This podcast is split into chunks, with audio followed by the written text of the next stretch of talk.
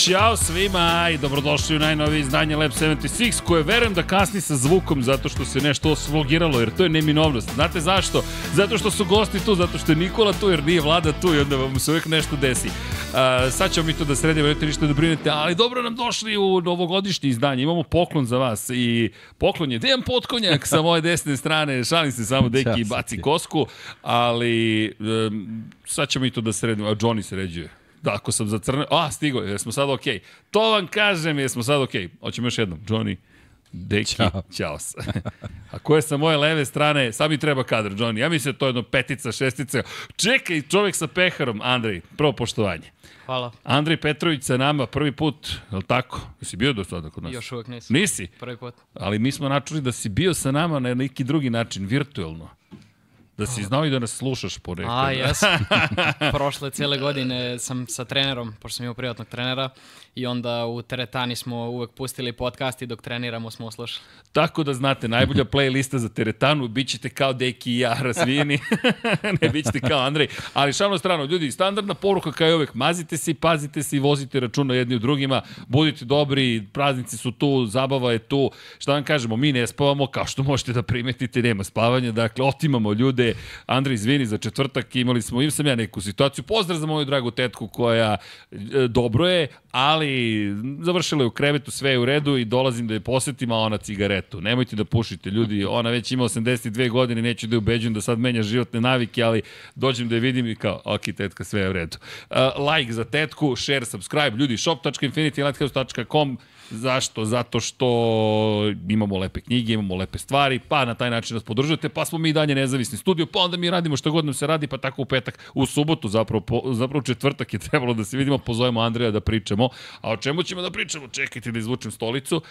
Pa naravno o trkama, deki, ne možemo mi bez trka, čak i kad ih zvanično ne nema. Ne možemo i super je povod, tako da... Jeste, baš je velik povod. Je. Ej, vidi, ako se slažeš Andrej, mi ćemo napraviti priču o tebi, ali realno ovaj pehar nas je sve oduševio za početak, a potom kao čekaj, Andrej mora da dođe. Ne mora, ako želi da dođe, mi bismo volili da dođe.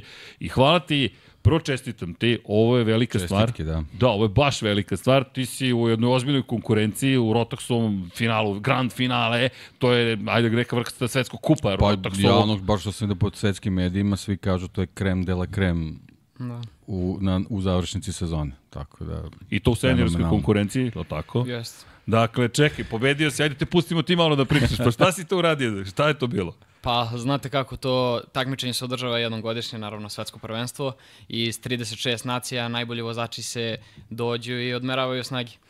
I sada najviše mi sviđa to Rotax, svet, svetski šampionat, zato što tamo svi vozači dobiju iste kartinge. I onda od prvog, od na 72 svi na lutri izlačimo kartinge i svi imamo iste kartinge. I onda kako kreću trke, imali smo samo četiri treninga pre nego što su krenule trke, četiri kvalifikacione trke i onda finale i kroz te kvalifikacione trke nisam se baš najbolje vozio, oko desetog mesta i znali smo da su nam jako male šanse u finalu jer smo se kvalifikovali tek 23. I znali od koliko smo, vozača, izvini? Od 72. A koliko ide u finale? 36. Dakle, ti si 23. Ima, ima put do tamo, do, do tamo, do onog vodećeg. Okay, Daleko je, da. I? Tata i ja smo stajali ono na gridu i gledamo napred, gledamo one Britance, u prvih deset je bilo šest Britanaca i gledamo Britance i gledamo, baš su daleko, ali bilo bi dobro da dođemo napred. I kako je krenula trka, u, čak i nisam imao baš najbolji start, možda sam do 20. mesta došao posle 2-3 kruga i onda jednog po jednog vozača samo sam uspeo da se da dolazim do vodeće grupe i imao sam sreće pošto tamo jer svi imaju iste kartinge, svi su isti bili i onda isto svi najbolji vozači na svetu i niko nije mogao da se odvoji. I onda od prvog do 36. svi smo bili u jednoj grupi. I onda sam uspeo jednog po jednog vozača da obilazim, da obilazim i da dođem do vodeće grupe. I u poslednjem krugu sam bio šesti i kada sam došao do vodeće grupe... Čekaj, čekaj, čekaj, čekaj, stani, stani, stani, stani, stani, stani, stani, stani, prvo bo mora potraje, ne, savrši za tri minute, stani. Ne, ne, ne, Daj, nema, već se složilo pitanje. Se, šalim, već, da, već imamo problem. mnogo, ali sam imam prvo pitanje, šta je vodeća grupa, čekaj, koliko ih je, pet ispred tebe? Znači, ja vodeću grupu uglavnom gledam sa njih prvih 5, 6, 7. U tom trenutku je vodeća grupa bila naš 14. Ne zameri, moram nešto da uradim. Može. E, ovako ćemo to da namestimo, da bi te publika bolje čula. E, to je to. Izvini. U tom trenutku vodeća grupa sa, sadržala se od nas 14, zato što smo svi bili jedni drugima na braniku. I prvi vozač se gradio, zato što čim se otvori jednu krivinu, čim pusti malo mesta, odmah obilaze ostali. I onda niko nije mogao da pobegne. I tada je vodeća grupa naš 14 ih je bilo. Moto trojke.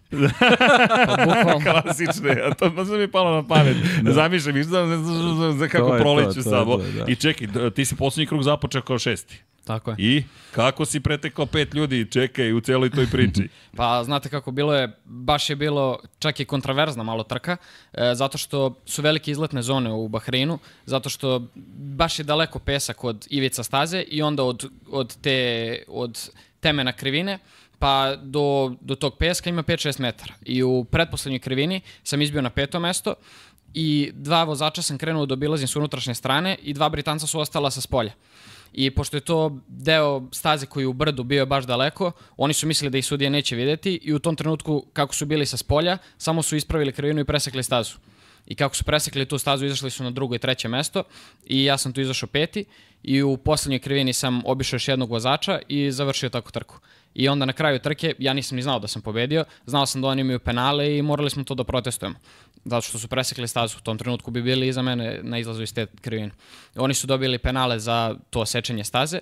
Jedan vozač Britanac, pošto tamo na tom svetskom prvenstvu svi dobijemo iste kartinge i onda su jako male sitnice na koje mi možemo da podeš- podešavanja pravimo. I taj jedan Britanac koji je završio treći, on je imali su neku foru da e, smanjuju ulje u motoru i oni su smanjili ispod, ispod no, e, dozvoljene granice i dobio diskvalifikaciju. I tako sam ja završio prvi. Pošteno. Pošteno, Pošteno, potpuno svaka na knjigu. Da, da. Čekaj, zato čitajte, neophodno čitanje. Još jedno, čestitamo. To čekaj, ovo je taj pehar. To je taj. To je taj pehar. Da. Lepo izgleda. Moram reći ima težinu. Dakle, e, ovakav pehar možete da dobijete ako pobedite na fantaziju, ali ko, ili da dođete po taj pehar. Ali šalno na stranu, zaista fenomenalna stvar. Ovo verujem da je na počasno mesto trenutno kod kuće. Jeste, jeste.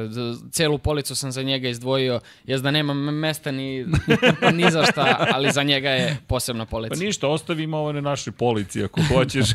Šalimo se, Taman ne brini. lepo pozadini. Ne, vidi, vidi, imamo već toliko stvari koje se više ne vidi, ali ovo je zaista divno i sve čestitke. Lepo piše Bahrein, Da, da, samo da pročitam datume, decembar, 2. decembar... Deveti. 9. Da, ti neki bolje vidiš odavde. Mm -hmm. Inače, zaista veliko takmičenje i ozbiljna konkurencija i kad smo čuli 23. na startu, na kraju na Da. poziciji broj 1, morali smo da pitamo kako si to izveo. Dobro, sad smo dobili odmah instant odgovor. Ne, pravi si trkač, nema kod tebe Agate Kristi.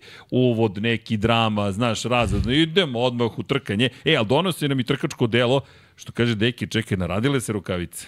Jesu, boga mi.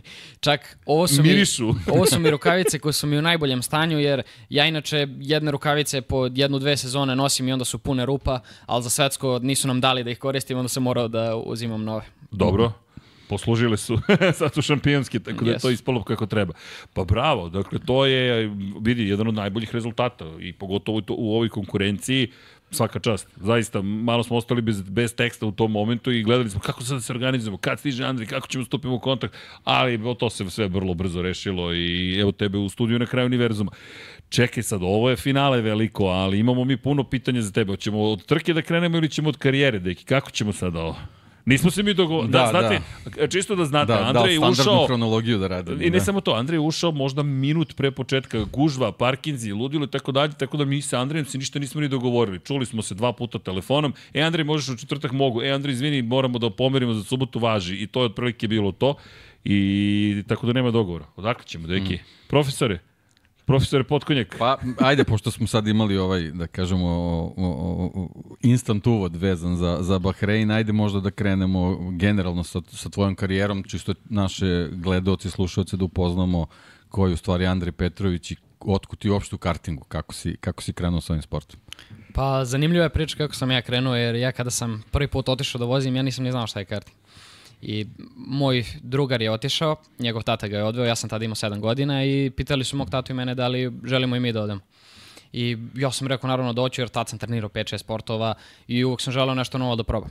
I kada smo otišli da probamo, meni se to odmah svidelo i još smo imali dobru ekipu, naš 4-5 drugara, svi smo bili tu isto godište od 7 do 9 godina i kad, kako smo krenuli da vozimo dva, tri puta nedeljno rentale i onda je to godinu dana kasnije prešlo da smo svi kupili trkačke kartinge, krenuli da se trkamo po srpskom šampionatu i onda je to oticalo. Znači, brzo si se zarazio, nije, da. nije bio problem što se toga tiče.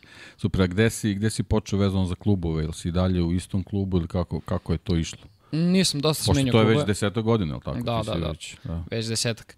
Da. Kada sam prvo počeo, bio sam, počeo sam prvi put sam seo u karting na autokomercu i moja prva pobeda u trkačkom kartingu je bila u srpskom šampionatu isto na autokomercu. I ka, tamo sam krenuo da vozim, prvih svojih dve, tri godine mislim da sam bio u njihovom klubu i onda kad sam krenuo na internacionalne trke bio sam u Lion kartu. I sa njima sam dobre dve sezone mislim bio u timu i onda sam prešao na te veće trke, da kažemo, VSK, to je u toj mini kategoriji, to je kao svetski šampiona, da kažem. I te trke su se uglavnom odvijale u Italiji, onda sam stalno uh, vozio za te fabričke, neke italijanske timove i po italijanskim klubovima. I sad kada smo krenuli Rotax da vozimo poslednje dve, tri godine, opet sam u Lion Kart prešao i uh, Lion Kart mi je team karting team, a za klub sada vozim Serbian Racing Team. Da, dobro, to ćemo sad malo da. detaljnije kasnije da ispričamo o tome, nego čisto me zanima, pošto to su ti neki da kažem, ključni momenti u karijeri, prelomni i tako dalje. Ti si, kako si rekao, dve, tri godine si kod nas vozio samo, samo u šampionatu i onda si se odlučio za tu internacionalnu scenu. Kako, pošto pretpostavljam, to je sa roditeljima, sa ocem pre svega, kako se donese ta odluka? Kako ste odlučili da, da trebate da, da napravite taj korak? Pa, mi smo čak i previše vremena ostali u nacionalnom šampionatu. Zato što ja sam tek sa svojih 11 godina smo krenuli na tu internacionalnu scenu, da kažemo, i to nam je bio peh, zato što svi dobri vozači koji su sada i u formulama nekima su krenuli sa 7, 8, 9 godina tamo. I mi smo znali da smo u veću za, za ostatku te dve godine koje smo vozili u srpskom šampionatu, ali nismo imali ko da nam pokaže put, ko da nas odvede na bilo koju internacionalnu trku. I onda kada smo jednom krenuli, kada smo svoju prvu trku kada smo otišli u Češku na taj moravski pohar, to je češki i slovački šampionat, sam pobedio i onda su nas videli ti neki ljudi, timovi i onda kada sam otišao u Italiju već smo stekli neke konekcije i od tada smo krenuli da vozimo. A kako dođeš do tog momenta da, da uh, osetite da, da si zreo za međunarodnu konkurenciju? Kako, kako si u stvari ti sticao iskustvo, pošto sad si rekao nisi imao ko da, da, da vas uputi i tako dalje, kako si došao do tog iskustva, to jest da kažemo sad ne pričamo samo o tebi nego i tvojim roditeljima i generalno ljudima koji su za tebe, kako, kako ste došli do tog saznanja da trebate da pravite korak dalje? Ko vam je pomogao svemu tome? Pa u tom trenutku kada smo mi krenuli u inostranstvo, e, ja sam već dve godine bio srpski šampion. I u tom trenutku nisam baš imao konkurenciju u svojoj kategoriji i znali smo da ako želim više da napredujem, da moramo da idemo na što jače trke protiv što boljih vozača. I kada smo otišli na tu prvu trku, videli smo da nam i to ide dobro, onda smo hteli što jače, što jače. Tu prvu trku smo otišli na taj moravski pohar i onda već sledeća nam je bio taj svetski šampionat za te male kategorije. A ovaj, kad, se, kad se pojaviš prvi put na to svetskom šampionatu, kako to izgleda? Pa neverovatno. Da? Dolazimo tamo protiv 100 vozača u Italiji, mi sa našeg malog šampionata gde nas je bilo po 15 i gledam one timove, one vozače. Prvo sam gledao njihove putanje, gledam šta je ovo, kako se ovo vozi, nije neverovatno. I imali smo sreće što smo došli vikend pre da istreniramo malo i onda mi je to baš pomoglo. I ta svoja prva trka kada je krenula, ja nisam se uopšte loše vozio na tom svetskom šampionatu u 10-15, isto kao sada na svetskom, ali je bilo malo drugačije, zato što je to manja kategorija i to bilo je 100 vozača. I onda kada smo došli do tog finala, pala je kiša, a ja do tada vozio dva puta na kiši. I kada je krenula trka, ja samo sam se nadao da ću da završim nekako trku I što je najgore, nisam uopšte loše vozio, zato što po kiši mora mirno da se bude. Ja kako sam bio uplašen, ja sam baš mirno vozio.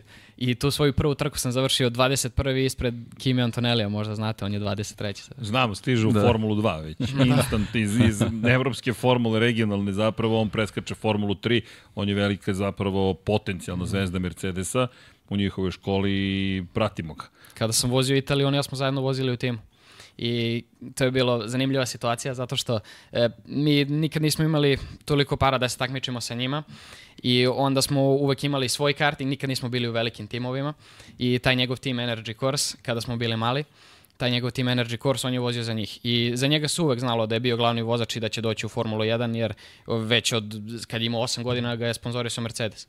I taj njegov tim je video da sam ja dobar vozač i da nisam imao te neke predispozicije. I onda su nam dali karting. Rekli su, izvolite karting, ne možete da budete s nama u šatoru zato što ne plaćate koliko i oni, ali možete pored nas da stanete u manji šator i mi ćemo vam dati karting za džabe. I tu prvu trku kada su nam dali karting za džabe, e, finalu sam ja startao prvi i Kimi drugi i na kraju smo završili, on je pobedio, ja sam drugi završio. I prva trka sa njim. Svaka čast. Ali zaista svaka čast, Deki, ja znamo koliko su to redke priče u automobilizmu ili, ili motociklizmu, svaka čast, ali zaista. I ima, imamo mi puno pitanja na tu temu, pošto sam si rekao, sponzorstva, novac e, i tekako igraju veliku ulogu iz te perspektive ti si trenutno u kartingu, ali ajde možda, možda ja, ja volim da skočim odmah u, u, u priču. Šta je plan za, za budućnost, znaš, i koliko zavisi zapravo od sponzora, bilo, kakav, bilo kakva priča za 2024. Pa u ovom trenutku sve zavisi od sponzora, zato što sad ti sledeći stepenice, da kažem, u karijerama su uvek formule ili ti veći bolidi. Sad ide Formula 4 to je 10 puta skuplje od kartinga i to mi sami da finansiramo je gotovo nemoguće. Sada ja sam, kad sam pobedio, sada dobio sam test u Formuli 4 i to će se valjda održati u Bahreinu sledeće godine i to je neka poznata Winfield škola i, ali to nije neki tim i onda od toga mi nemamo neku predispoziciju da nastavimo napred ako se tu dobro pokaže. Da, dakle, bez obzira na rezultat, šanse zapravo su vrlo male ukoliko se ne bezbedi sponzorstvo. Pretpostavljam. Naravno. Inače, ponavljam, nisi nismo dogovorili, prosto Deki ja znamo već igru celu, e, već decenijama, tu se manje više ne menja, menja se samo brojka ili broj nula koji vam je potreban, ali opet, da li ikakvu šansu imaš ukoliko ostvariš neki dobar rezultat, makar da kažeš ljudi, ovo je moj trkački CV, ajde da vidimo šta možemo da uradimo. Znaš, da li, jer ako ne otvoriš jednosede sada, Da li razmišljaš možda o sportskim automobilima? To niko ne voli da ga pitam ko je rasni trkač. Znači, poslednje što želiš je da kažeš, ej, u jednosedu sam otvoreni su točkovi, a mi te pitamo o sportskim automobilima, ali re, deluješ mi kao racionalna osoba. Svestan si da ukoliko se ne otvori jednosedi, to je ipak i dalje fantastično jedno takmičenje.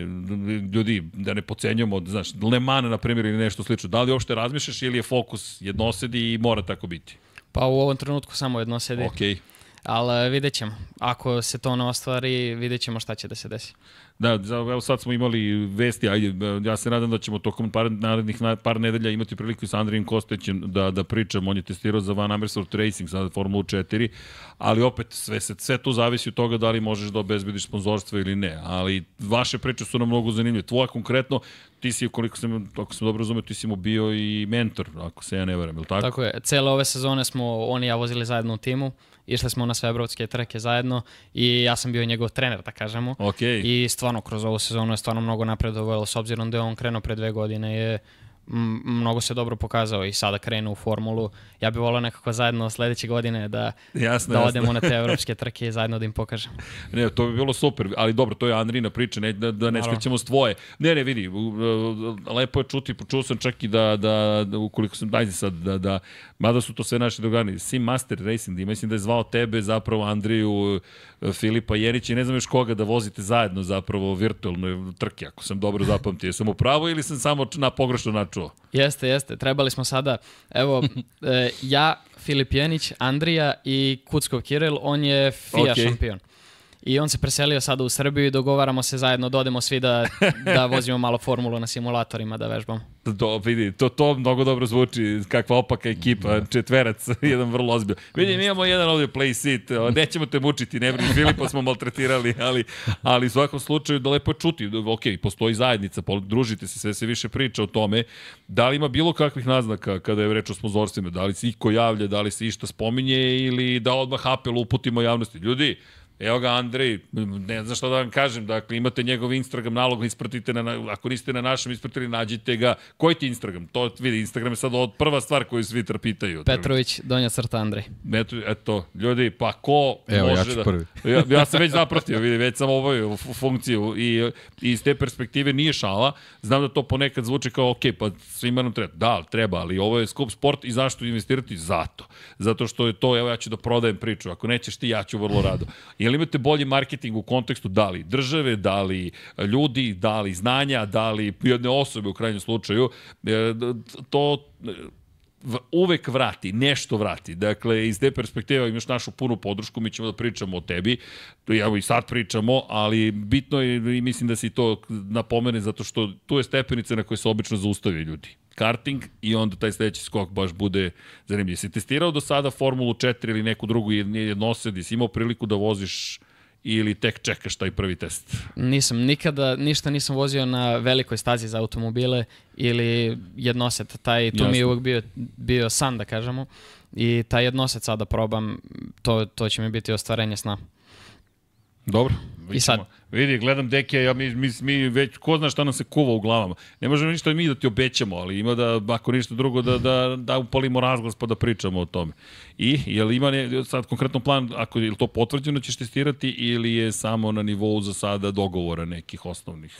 Uh, potvrđeno je da treba da se da bude osnovan taj test, sad datum nije još potvrđen Dobro. i to treba da se dogovorim sa tom akademijom. Trebalo bi 2000, početkom 2024. da se to odvije, pa ćemo da vidimo. Dobro, svesna si da ćemo te da. mi pitati i zvati te gde god da si, da, da, da nam se javiš, da kažeš i pa i publici da kažeš šta se događa, da ne bude samo priča o trofeju, koliko god da je veliki, da se na tome završi. Znaš, ja bih volio da ovo bude zapravo tebi isto odskočna daska. Jesu reagovali mediji u, u Srbiji, pa i generalno, da li su reagovali na, na, na tvoju pobedu? Jesu, kako nisu, zvali su me, već sam bio u gostovanjima na razvrsnim emisijama, televizijama, bio sam Super. na RTS-u, Pinku i Prvoj. Tako da vidjet ćemo, svašta može da se desi. Ove godine kad već pričamo o tim sponzorstvima... Priče, priče, udri. mi je mnogo pomogla Alta Banka i kroz kraj ove sezone na na evropskim prvenstvima možda ne bi mogli ni da odemo sad na ovo grand finale da mi oni finansijski nisu pomogli jer e, sad u Srbiji ko, kolektivno je malo finansijski opala opala ta kako se to kaže moć moć, moć da. tako je i sada kako to funkcioniše u formulama. To sve zavisi od sponzora. Zato što ima tri šampionata u formuli, tri glavna šampionata, da kažem. Ima italijanski, španski i taj centralno-evropski. Sad, m, koji ćemo šampionat da vozimo, ili da li ćemo uopšte da vozimo, to nam sve znači od sponzora.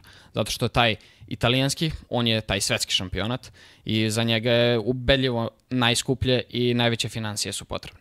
I za njega oko 500.000 eura košta sezona i onda je najslabiji taj šampionat od ta tri je taj centralno-evropski. I za njega je dosta jeftinije, da kažemo, ta jedna sezona je oko stotine hiljada eura.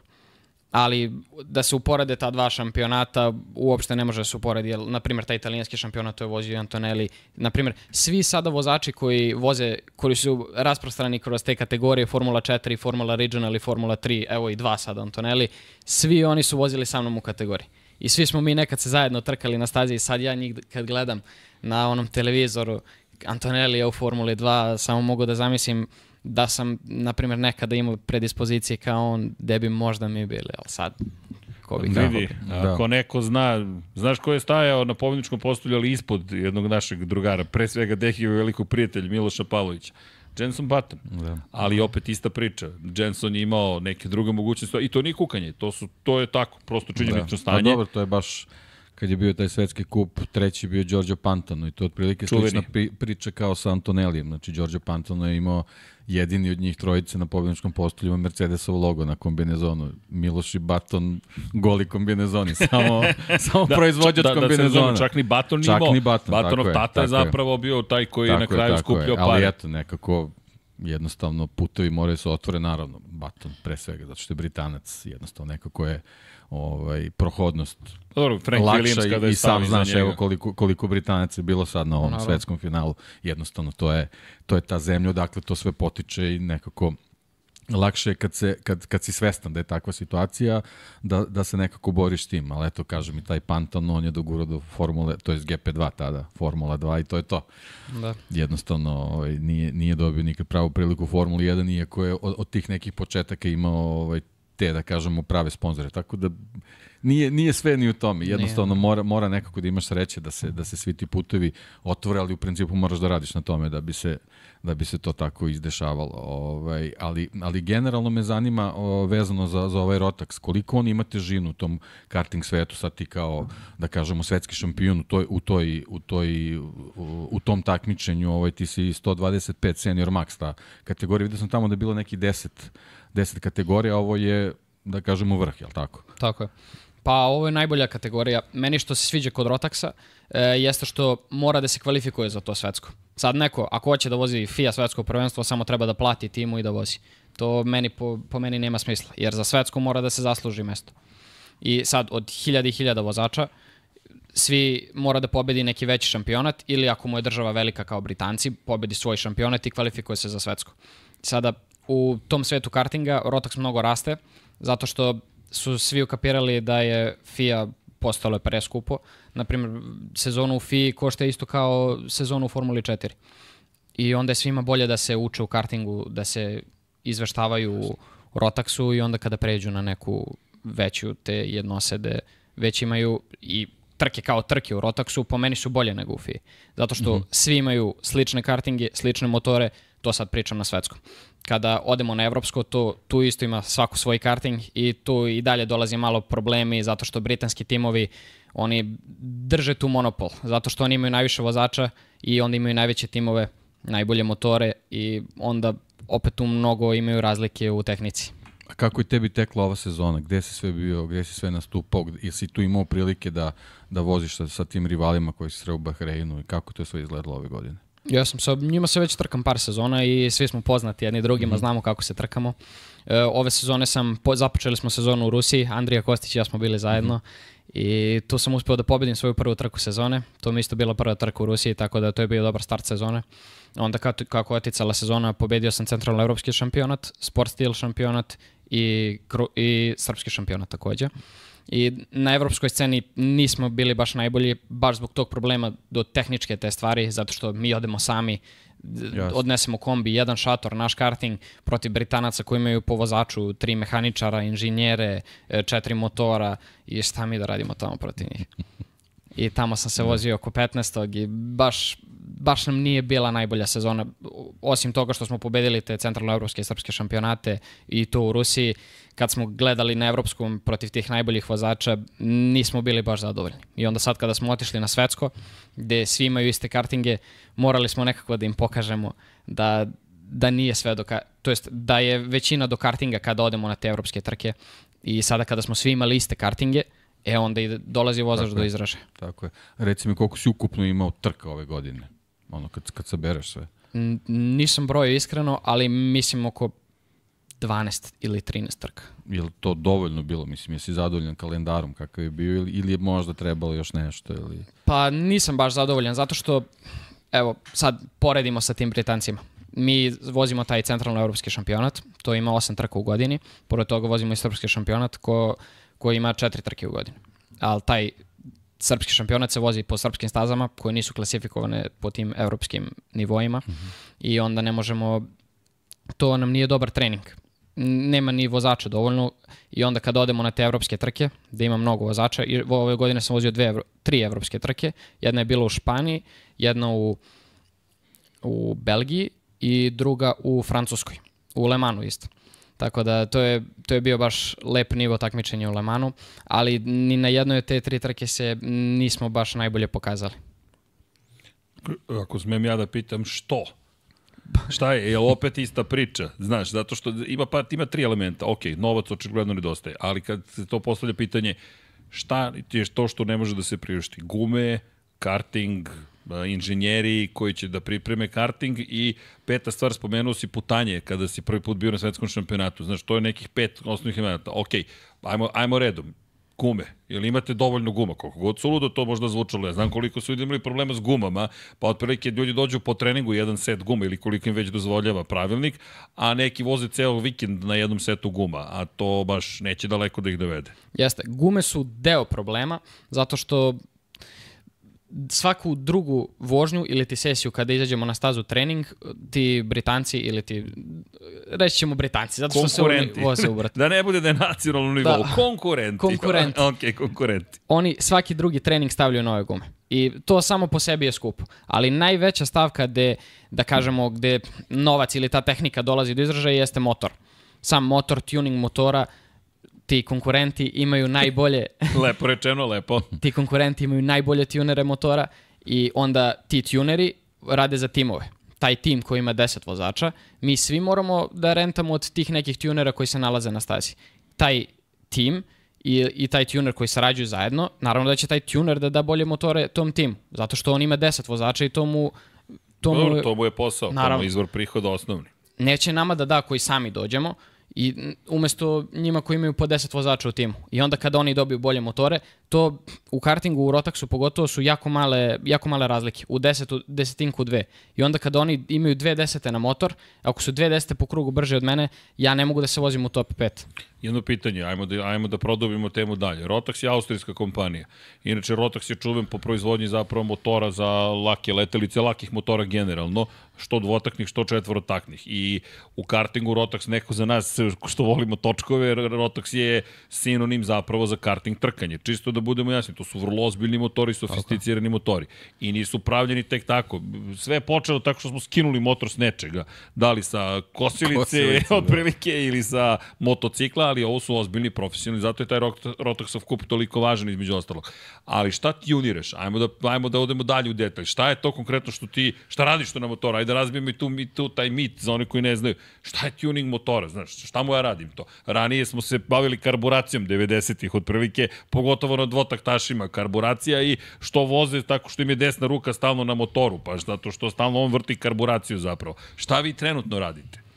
Pa mi kao mi ne radimo ništa, zato što ja se uopšte ne razumem u motore, ili je okay. to toliko kompleksno da, znači prvo, kada ti tuneri rade motora, oni ih otvaraju, pa svaki deo po deo, malo neki, neki deo obruse da bi bolje imao protiv goriva, rade isto i na karburatoru, svašta. Mi sada kad smo bili na svetskom gde ne sme ništa da se radi, e, tek smo poslednji dan pre finala otkrili da na power ventilu koji posle 12.000 obrtaja dodaje snage, da na tome ima jedna caka gde treba da se zavrne dva puta. Tu toliko ima malih caka da ja sada mislim 10 godina da se bavimo kod tih motora da ne bi mogao da naučim. Ali zato sam ti pitao da je više trka, u toj konkurenciji više bih tih caka možda saznao i bio spreman za to.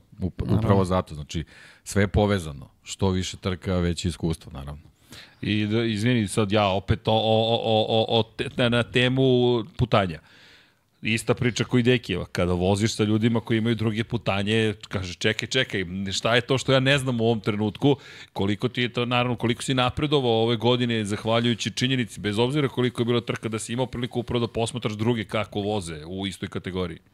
Pa, to oko putanja, prvi put kad smo otišli na svetsko, je, tu sam vidio veliku razliku, zato što mi do tad nikad nismo otišli na te velike neke staze od 1200-300 metara. Mi smo uvijek vozili na stazama od 600 metara. Da, I sa tim to nekim... su fine staze, da ponovim još jedno. Međunarodna automobilska federacija ih daje, licen, licencira ih praktično i dobije njen sertifikat i postoji vrlo striktno pravilo kako možeš uopšte da dođeš do toga da si sertifikovan. Treba samo da se razumemo, to je baš ozbiljan skok i skoro su duplo duže staze nego što, si, što se kod nas voze. Tako je i onda te izletne zone, kako to, e, tada u tom trenutku sam gledao kako ti vozači koriste u stvari stazu, kako mi, nama nas učili od linije do linije, ne na kordolu preko, to jest pasi, kako se kaže? Pasica. Pa, Pasica, pasi, kako god želiš. Ja to zovem kordal. Kordola, sve Na red. kordolu, preko kordole i u tom trenutku mi je to bilo baš čudno. I onda kako je proticala, naravno, karijera dve, tri godine, sad mi je to postalo skroz normalno.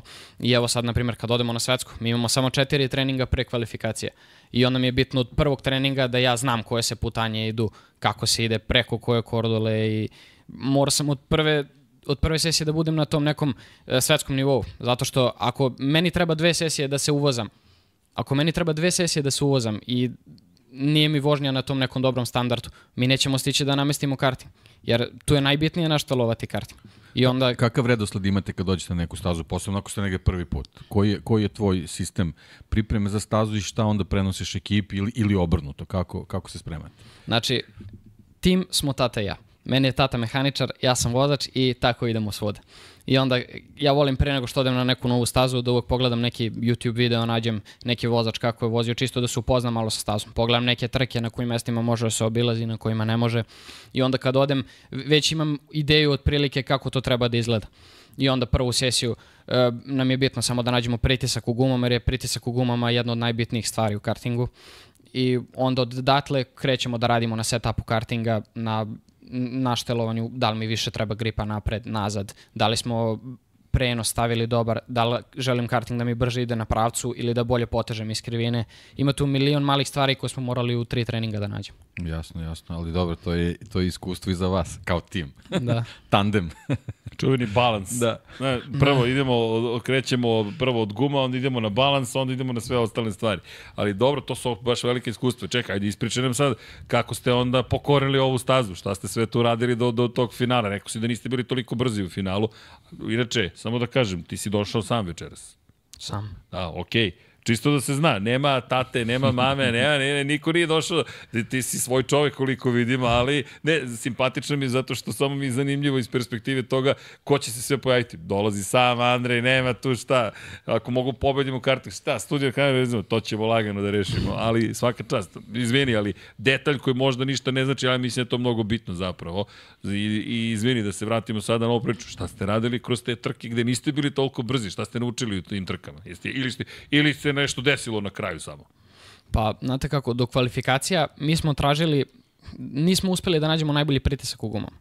I namestili smo mi šasiju da to izgleda kako treba, ali onda kako su krenule trke, ja sam se kvalifikovao 14. u mojoj grupi, to je bilo 28. sve ukupno. Kako su krenule te kvalifikacione trke, zeznuto je bilo doći do prvog mesta, zato što ja kad obiđem nekog vozača nisam bio dovoljno brz da mu pobegnem i da stignem nekog drugog. I onda sam uvijek završavao oko desetog. I kada smo došli do polufinala, to je bila trka prefinala, e, taj jedan mehaničar, jedan Rumun nam je pomogao, rekao nam je taj trik za power ventil, Hvala mu. tako je. I kada smo to naštelovali, stvarno smo krenuli dobro da idemo. I od tog polufinala smo imali dobru brzinu i znali smo da u finalu svašta može da se desi. Ali sam baš daleko startovao i onda smo morali da se nadamo čudu. Ali sam znao da imam brzinu da se vozim sa prvima, što nam je najbitnije bilo. Jer bez te brzine, evo na primjer pre dve godine na svetskom prvenstvu, ja sam startovao šesti u finalu. I baš, baš sam bio blizu, znao sam da imam veliku šansu, ali tada nisam imao brzinu da se borim za prvo. Ja, ja sam startovao napred, ali mi je falilo dve desete do prvog. I kroz 21 krug trke brzina mnogo dolazi do izražaja. I tada nisam ni završio trku. Ja sam izašao na treće mesto. Imao sam mesta iza 200 metara. Ali kada su me stigli ostali vozači, jedan po jedan, kad su krenuli da me obilaze i onda sam samo krenuo da padam kroz, kroz tu grupu i nisam ni završio trku na kraju. Kad kažeš brzina, brzina samo da objasnimo, brzina koja? Brzina na pravcu ili brzina generalno, kroz krivine, kroz sve, brzina? Pa ja kad kažem brzina, to gledam kroz brzina krug, kroz kojom vreme. brzinom, vreme. Dakle, okay. Za koje vreme obiđem jedan krug. Dobro, dobro, čisto da budemo precizni o čemu, o čemu tačno pričamo, pošto to je za tebe žargon, to je tebi uobičajeno, ali da i mi da znamo i svi zajedno koji, koji su sa nama da znaju. E, ljudi, ako imate neka pitanja, samo, samo udrite i mi ćemo svašta da pitamo Andrija. Andrija ne zameri, neće biti samo priče o vožnje, moram malo da digresiram što se kaže. Jel pratiš Formulu 1? Pa, ove sezone malo slabije pratim, uvek ispratim neku trku, pogledam highlightove kada se završi trka, jer uglavnom se nama poklapaju neke trke kad oni imaju i mi vozimo i onda kada dođem trk, kući pogledam, ali mi nije mi bila toliko zanimljiva ova sezona, jer ne volim da vidim jedan vozač stalno da dominira ili ti tim. A kada pogledaš Formulu 1, prvo ajde za koga navijaš? Ili navijaš? Ili imaš omiljeni tim vozača nekoga ili je to nepostojeće? Pa, meni najkompletniji vozač to jest najkompletniji vozač jeste Max Verstappen, ali kada gledam ono, e, kao osobu, najviše mi sviđa Lando Norris i onda navijam za njega, jer mi je glupo da navijam za nekoga ko se vozi uvek prvi i onda volim za Lando Norrisa da tamo iza tribine, Johnny te podržava, imaš aplauz. Dobro, dakle, Lando Norris. Dobro, to, to, eno ga McLaren, treba sklopimo McLaren deki ove zime. Dobro, Lando ove godine, pa dobro, nije bio loš u drugom delu sezone, i bilo je to lepih momenta. Jel gledaš još neke sportove, kao, kao ne znamo? pratim, vola, ranije sam volao da pratim MotoGP, ove sezone nisam mnogo pratio, ali od kada je Rossi prestao da vozi, tad sam malo slabije počeo, jer mi se mnogo sviđala ta ekipa kada su vozili Rossi, e, Lorenzo, Marquez i Pedrosa. Mnogo mi se sviđao taj rivalitet između, na primjer, Markeza i Rosija. I ja sam uvek navija za Markeza, mnogo mi se, e, mnogo mi se sviđa njegov stil vožnje, nekako me podsjeća čak i na Verstappena, jer obojice imaju taj neki agresivni stil vožnje ali ove sezone nisam mnogo gledao zato što bolelo me da ga gledam kako pada svaku trku. Je, ali sada kada prelazi u Ducati, to mi je jako zanimljivo i morat ću da gledam sledeće sezone. Evo ti ga još jedan navijač, da diže ruku A može sad kad smo već u, u toj priči, ovaj, pošto vidim kako, kako ovaj, uh, analiziraš uh, vozače, uh, vezano za ovu tvoju grupu kartingaša, ili bi mogu sad možda da nam otkriješ iz neke tvoje perspektive, čisto da bismo i mi pratili neka imena za koga ti misliš da bi možda mogao da bude u budućnosti onako baš dobar. I na međunarodnom nivou da. i, i na domaćem, I na regionalnom, domaćem, kako apsolutno, god. da, da, da, da. da. Pa ima dosta sad vozača koji imaju potencijale. Naravno, ako gledamo iz kartinga ne mora da znači neko da će biti brzo u Apsolutno, formuli. naravno, tako je. I uglavnom, vozači koji se voze prvi u kartingu su brzi u formuli, ali evo, na primjer, Kimi, za njega smo uvek znali da će biti dobar. Sad ima i vozači novi u Formuli 4, Limblad, sad mislim da prelazi u Formulu 3 i on je isto vozio sa mnom karting. Svi ti vozači koji su u kartingu bili dobri, za koje se uvek se znalo da će oni da napreduju i u, u, zato su ih i uzeli ti veliki neki e, Da, u timovi i stvari te akademije. niže kategorije jednose da su u stvari to sito prvo. Tako gde je. su u stvari prođe da u stvari da vidiš da li, da li vozač prvo, da li je zreo za taj napredak dalje u, u jednosedima i, ili ge, i generalno da li može da, uh, on, ono što mi stalno pričamo, nije, nije samo čista vožnja taj parametar koji odlučuje, nego ima tu mnogo nekih drugih faktora. Naravno. Tako, jel imaš možda sad sa, sa ovog rotak skupa, jel tu ima neko da se, da se možda još izdvaja uz, uz tebe? Uh, Neko ime, onako čisto da, da, da možemo da pratimo. Pa uz mene, eto ima jedan Kai Rillerc, belgijanac, on je isto jako dobar i o dobre rezultate ove godine celo ostvario, tako da mislim da će oko sledeće godine pređu te nosede da će biti dobro. Misliš da i on se bori da pređe? Stvar. Mislim nije, da će nije, imati nije baš tako da. lako, da. Jel, zanimljivo je da Lindblada izdvaješ, to mi je baš zanimljivo. Marvin Lindblad, ili tako Jeste. beš? Da, ali okej, to ću sad da zapišem, Deki, dakle, da pratimo na tvoj savjet, i što kaže Deki, baš To, to, pa da, da imamo analiziraš neki, neki to, to. da. Da, a kada je reč o domaćim vozačima, nisi jedini koji je zapravo osvojio titulu. Krenuli smo od tebe, ti si po seniorskoj konkurenciji Da, i bilo nisi, ovde već nisi pitanje. bio sam u Bahreinu, čisto spomenemo i ostale momke koje e, su bio bila je naš četvorica, č- reprezentacija Srbije, sačinjavala se od e, Davida Matlaka, on je isto osvojio, on je osvojio drugo mesto, Drugo mesto, u električnom kartingu, to je sad novi koncept koji Rotax uvodi i žele to malo da proguraju više u sledećim sezonama. Bili su Uroš Bogdanić, on je isto jako dobar uspeh, sa 36. se probio na 16. mesto u finalu i bio je Nikola Tošić. On je za malo je promašio da uđe u to finale, ali ovo mu je bila posljednja trka u kartingu i on prelazi u kola sledeće godine, tako da ćemo ga gledamo. Da, Nikola je bio sa mnom ovaj, na grobniku smo vozili, bio i tata Aleksandar. Znači, da, to ti je, Da, da, da. da. Deki inače ovde iskusan, ja nisam, vidi, da, on je vozio 4 Da, sata iskustvo. grobnika, tako da vidi, to je, pa dobro vidi, delovi Twinga su tu negde, tu su negde posejani po studiju. a nije, nije, Da. to je samo jedan incident koji se desio tokom celog trkačkog Ja sam imao samo vikenda. dva treninga, molim. Tako je, i u virtualnom, jel te, sistemu su se Da. takmiče. Ti, ti. Izvolite, izvolite. Ne, ne, molim te, molim te. Imam pitanje za Isto je pitanje. Za, jel virte... E Da. da, da li treniraš u simulatoru? Pod jedan. I dva, da li misliš da neko učešće eventualno u e-sports takmičenjima može da ti pomogne u kontekstu toga da se negde istakneš? Jer tu je malo drugačija situacija, iako sad imamo brojne skandale po pitanju i prevara i toga kako se organizuje šampionat, ali bez obzira, da li može da ti pomogne eventualno takmičenje neko u simulatorima da kažeš, ok, možda nemam sredstava u ovom trenutku, ali ajde da negde budem prisutan za ono što želim da postignem. Sad, izvini ako pitam teška pitanja, ali nećemo ti pomoći ako te pitamo laka Naravno. pitanja koje te nigde neće odvesti. Iskreno, to, baš me, to me baš zanima. Sad, u simulatorima da se probijem i da od toga sred, e, steknem neka sredstva da bi nastavio dalje u svojoj karijeri, mislim da je to gotovo nemoguće, zato što za to mora mnogo vremena da se, Jasno. da se odloži i ja sada, pored mojih trka u, uži, u pravom životu, nemam vremena za to. Ali sad, da li mi pomaže simulator na trkama? Ja, evo, prvo kad sam došao iz Bahreina, čim sam čuo da imam test Formula 4, ja prvo što sam otišao, otišao sam u Seamaster da probam kako to izgleda, kako izgleda Sjajno. ta staza i kombinacija te staze i te formule. I onda uvek mi pomaže to da steknem neki, neki čisto parametar gde otprilike se koči jer e, za to je realno jako kad, na kojim mestima se koči gde kakve su potanje i za to su te igrice e, to jest ili ti virtualni svet Ah, je jako i realno. krenulo od igrica, nema tu šta, Tako to, je. to je postalo simulator, ali realno sve je krenulo od igara, davno, davno, davno. Tako je. Ali sad, ja nisam neki mnogo veliki ljubitelj tih simulatora, zato što ja koji sam došao iz iz karting trka, meni je taj osjećaj mnogo bitan. E, Taj G sile kada uđem u krivinu da osetim kada zadnji kraj kartinga želi da mi iskliza i to na simulatoru nema. Jedino ti neki motion simulatori, to još uvijek nisam probao, ali na simulatoru kada gledam da li će zadnji kraj da mi, na primjer, iskliza, uvek to moram da gledam po da li će ekran da mi se pomeri ili ne. I onda mi taj osjećaj, mi, taj deo simula, simulacija mi se ne sviđa. Naravno, nedostaje, što kažu motociklisti, stražnica ti je najvažniji pa element jest, u celoj jest. priči. Što kroz nju sve osjećaš šta se zbiva Moraš s neki motociklom. žiroskop da imaš. Tako je. balans. Balast. Ili balans, ne znam, zavisi ko, kako kod koga. A, mi- spominješ druge obaveze. Koliko ti imaš godina? 17. I koje su ti obaveze?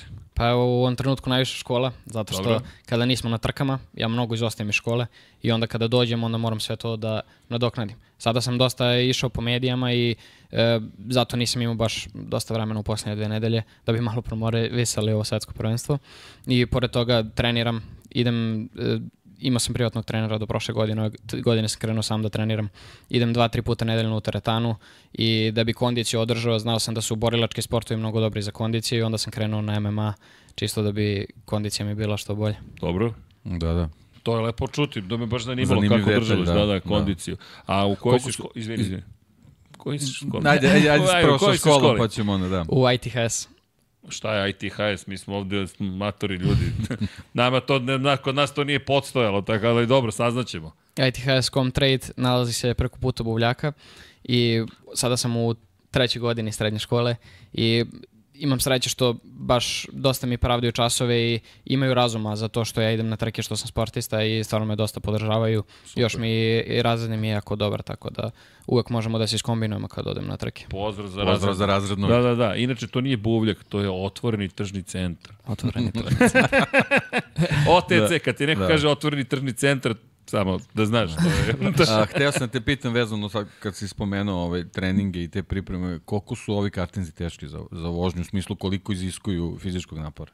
Pa sada neko ko prvi put sedne, posle pet krugova u rentalnom kartingu koji ide 70 na sat, će da umre. Znači, ruke će mu otpasti ramena, jer e, te, ti mišići koji se koriste kada se voze, se uopšte ne koriste ni u jednom bilo kom drugom sportu. Ja sada vidim ja koji sam stalno u treningu po 6, 7, 8 puta nedeljno treniram, kada sednem u kartingu u karting posle mesec dana pauze, osetim kako mi ti mišići rade koje nisam mogao u tom trenutku da treniram. I onda ja sada kada sam u vožnji, kada treniram dva, tri puta nedeljno, sada kada sednem ja mogu da napravim 100 krugove i neću se ni zadihati. Ali za nekog ko prvi put sedne, to je neverovatno, zato što je direktan volan, nije kao na kolima, jer na kartingu svaki milimetar pokret volana znači. I onda kada oni misle ima servo to, pa kad krenu da ga namotavaju, odmah izleću. I onda je mnogo je teže, mnogo treba veliki osjećaj na volanu, zato što tebe tri, treba ti mili, mili pokreti da se kontrolišu. I tak, tako, to je meni čar karting. Da, ovaj, mislim, generalno si, ovaj, o, o, jel, jel ti iziskuju pripreme tokom čitave godine, upravo to što si rekao, moraš da vodiš računa zbog tih pauza i svega, jel, jel si onako, trudiš se da čitave godine budeš u formi ili ima onako par meseci da, da malo odmoriš? Pa ja bih voleo što više da budem u kartingu. Ja uvek kada imam priliku da sednem, ja volim da odvozam malo. Ove sezone sam malo veće pauze pravio, e, baš zato što, zato što nismo imali tu neku finansijsku situaciju da odemo na te veće, veće evropske trke i onda u pauzama između tih naših trka imali smo po meseci dva pauzu tokom, na primjer, letnjeg raspusta. I ja sam gledao, bio sam na moru i gledao sam trke i e, radije bi bio na toj nekoj trci nego da sam bio na moru. Jasno. To je, to je u stvari poželjno, to, to, da. to, to. Ne, ne, gledali smo Maxa koji je testirao Ferrari sad skoro u Italiji, kad pre par dana, 3-4 dana. Pre par dana bilo na društvenim mrežama, da. Ba, baš, i baš se dopisujemo Deki ja i razmišljamo, ovaj čovjek ne izlazi iz, iz automobila, ne, ne, ne izlazi iz trkačkog automobila, kakva god da je mogućnost. Ne mišljamo, pa i mi bismo tako, budimo realni, dakle, to je jednostavno strast. Izvini. Pa dobro, strast i potreba, posebno kad si na tom vrhunskom nivou, jednostavno, kao, kao što i Andrej kaže, jednostavno moraš, moraš stalno da budeš u formi, jer svaka pauza ostavi traga odmah na mišićima. Nema, odmah se gubi tonus. E, što se tiče treninga, ili imaš aerobne vežbe, trčanje, biciklizam, nešto toga ili to ne stižeš? Kakva je tu situacija? Pošto dosta, ja gledam po i motociklistima, i automobilistima, biciklizam vidim da je jedan od najpopularnijih stavki. Ne znam uopšte kakve, kakve su kod nas uopšte i mogućnosti. Uh, jeste, ja živim pored Savskog keja, tako da imam predispozicije da vozim bicikl, Super. ali ja više volim da trčim, tako Dobro. da kada imam vremena dva, tri puta nedeljno volim da odem da trčim. Evo, tvoj čovjek, atletičar. ne, ne vredi, dakle, neki, sve, sve, sve Ali čovjek dobro, stigne. najjednostavnije. najjednostavnije. Dobro, ali opet zanimljivo mi, znaš, ko šta voli i ko kako, čemu pristupa. Svaka čast. Ko si, ti si sad, koja, treće godine? Treća godina. Treća. Godine. Kad to beše, deki, davno, ali dobro. Nekad, vidi, što se tiče, da, da, da te ja ne učim pameti, ali znanja i školovanja uvek, to je naša, mi baš insistiramo na tome, mi, Deki, si ti diplomirao? Nisam, Nisi kao ni ti. Ni ja, ne, ne, nisam to zbog Mi smo toga. skupljači indeks. Mi smo skupljački, skupljači indeksa. Pa ima jedan, ali vredan. Niko od nas nije diplomirao to nije dobro. Ljudi, školujte se, diplomirajte, završavajte škole. Šta te zanima u školi? Moram te pitam. Jel te išta zanima ili je to, jao, moram u školu? Pa, meni je zanimljiva škola, pošto imam te neke stručne predmete oko dizajna. Taj IT, ko, konkretno IT, me ne zanima puno to kodiranje, ali imamo te neke zanimljive, zanimljive predmete oko animacija i dizajna nekih sajtova, to, to mi je, na primjer, zanimljivo. Jer to mogu da primenim sada, ako hoću da se bavim u nekim medijama, sada promovišem malo više, znam kako da editujem neke snimke, kako da... e, kako da napravim te neke sajtove ili ako Dobro. hoću da se promovišem bolje. Dobro, promocija je važna. Dakle, je. jel, opet, ceo tim, pretpostavljam da, si- da si ti, ko još? Ja i tata. ok, dakle, pozdrav za tatu. Pozdrav, Tako je. pozdrav za celu ekipu. Kako podnosi porodica što se trkaš? Pa, svi, svi podržavaju. Baba, deda, mama, tata. Mi, mi smo svi jedna ekipa i mi uvek kad odemo na trke svi me podržavaju. To nije baš često kod nekih porodica, ali ja imam baš sreće da me cijela porodica podržava. Mama i tata su mi baš jako velika podrška. I od kad sam krenuo, imalo je trenutaka kada smo želeli da odustanemo, ali uvek smo zajedno uspeli da nastavimo nekako i evo, došli smo da budemo svetski šampioni. Svaka čast. Pozdrav za mamu, tatu, Pozdrav, baku, da. deku i sve koji podržavate Andreja. Pa jeste, to nije mala stvar, to su baš velike stvari. Tako da znamo kolika odricanja mogu biti i svakom čast na, navijamo prosto za vas. Ovako, krajnje, krajnje subjektivno. Ali dobro, sad moramo sačekamo za sledeću sezonu da vidimo kako će biti situacija, šta će se to otvoriti i, i gde to može da... Gde, šta bi ti najviše voleo? Šta je najrealnije, hajde, da pričamo i o tome. Pa, u ovom trenutku još ne znam ni šta je najrealnije. Jasno. Tako da moramo da sačekamo bar dva- 2024. da dođemo, bar početak godine, pa ćemo tek onda da vidimo ili kada odradimo taj test. Ali ja bi najviše volio tu italijansku Formulu 4, jer to je ipak... Mi uvek volimo da idemo protiv najboljih vozača na najjače takmičenja i to je najjači šampionat u Formuli 4. I tu ako uspemo dobro da se pokažemo u, u, u protiv takvih vozača, protiv takvih timova, mislim da možemo da dobijemo neku šansu da da odmah, na primjer, preskočimo, na primjer, u Formulu 3, ili, jer ja sam u ovom trenutku već zakasnio. Svi moji vršnjaci, svi su već u Formuli Regional ili u Formuli 3. Tako da, ako želim da napredujem ili ako želim da dospem do te Formule 1, moram brzo da idem kroz te stepenice. Da, dobro, to je sad pitanje, ti si mlad čovjek za nas pogotovo, ali kada govorimo o trkanju, to je to. Dakle, ti si sledeće godine punoletan, je li tako? Tako je. To je, ti si koja si, 2600 godište, 2006. 2600, tako je. O, nisam loš, izračunao sam, čekaj. Brzinom munje. dobro, ti si samo 30 godina mlađi od mene. Ali dobro.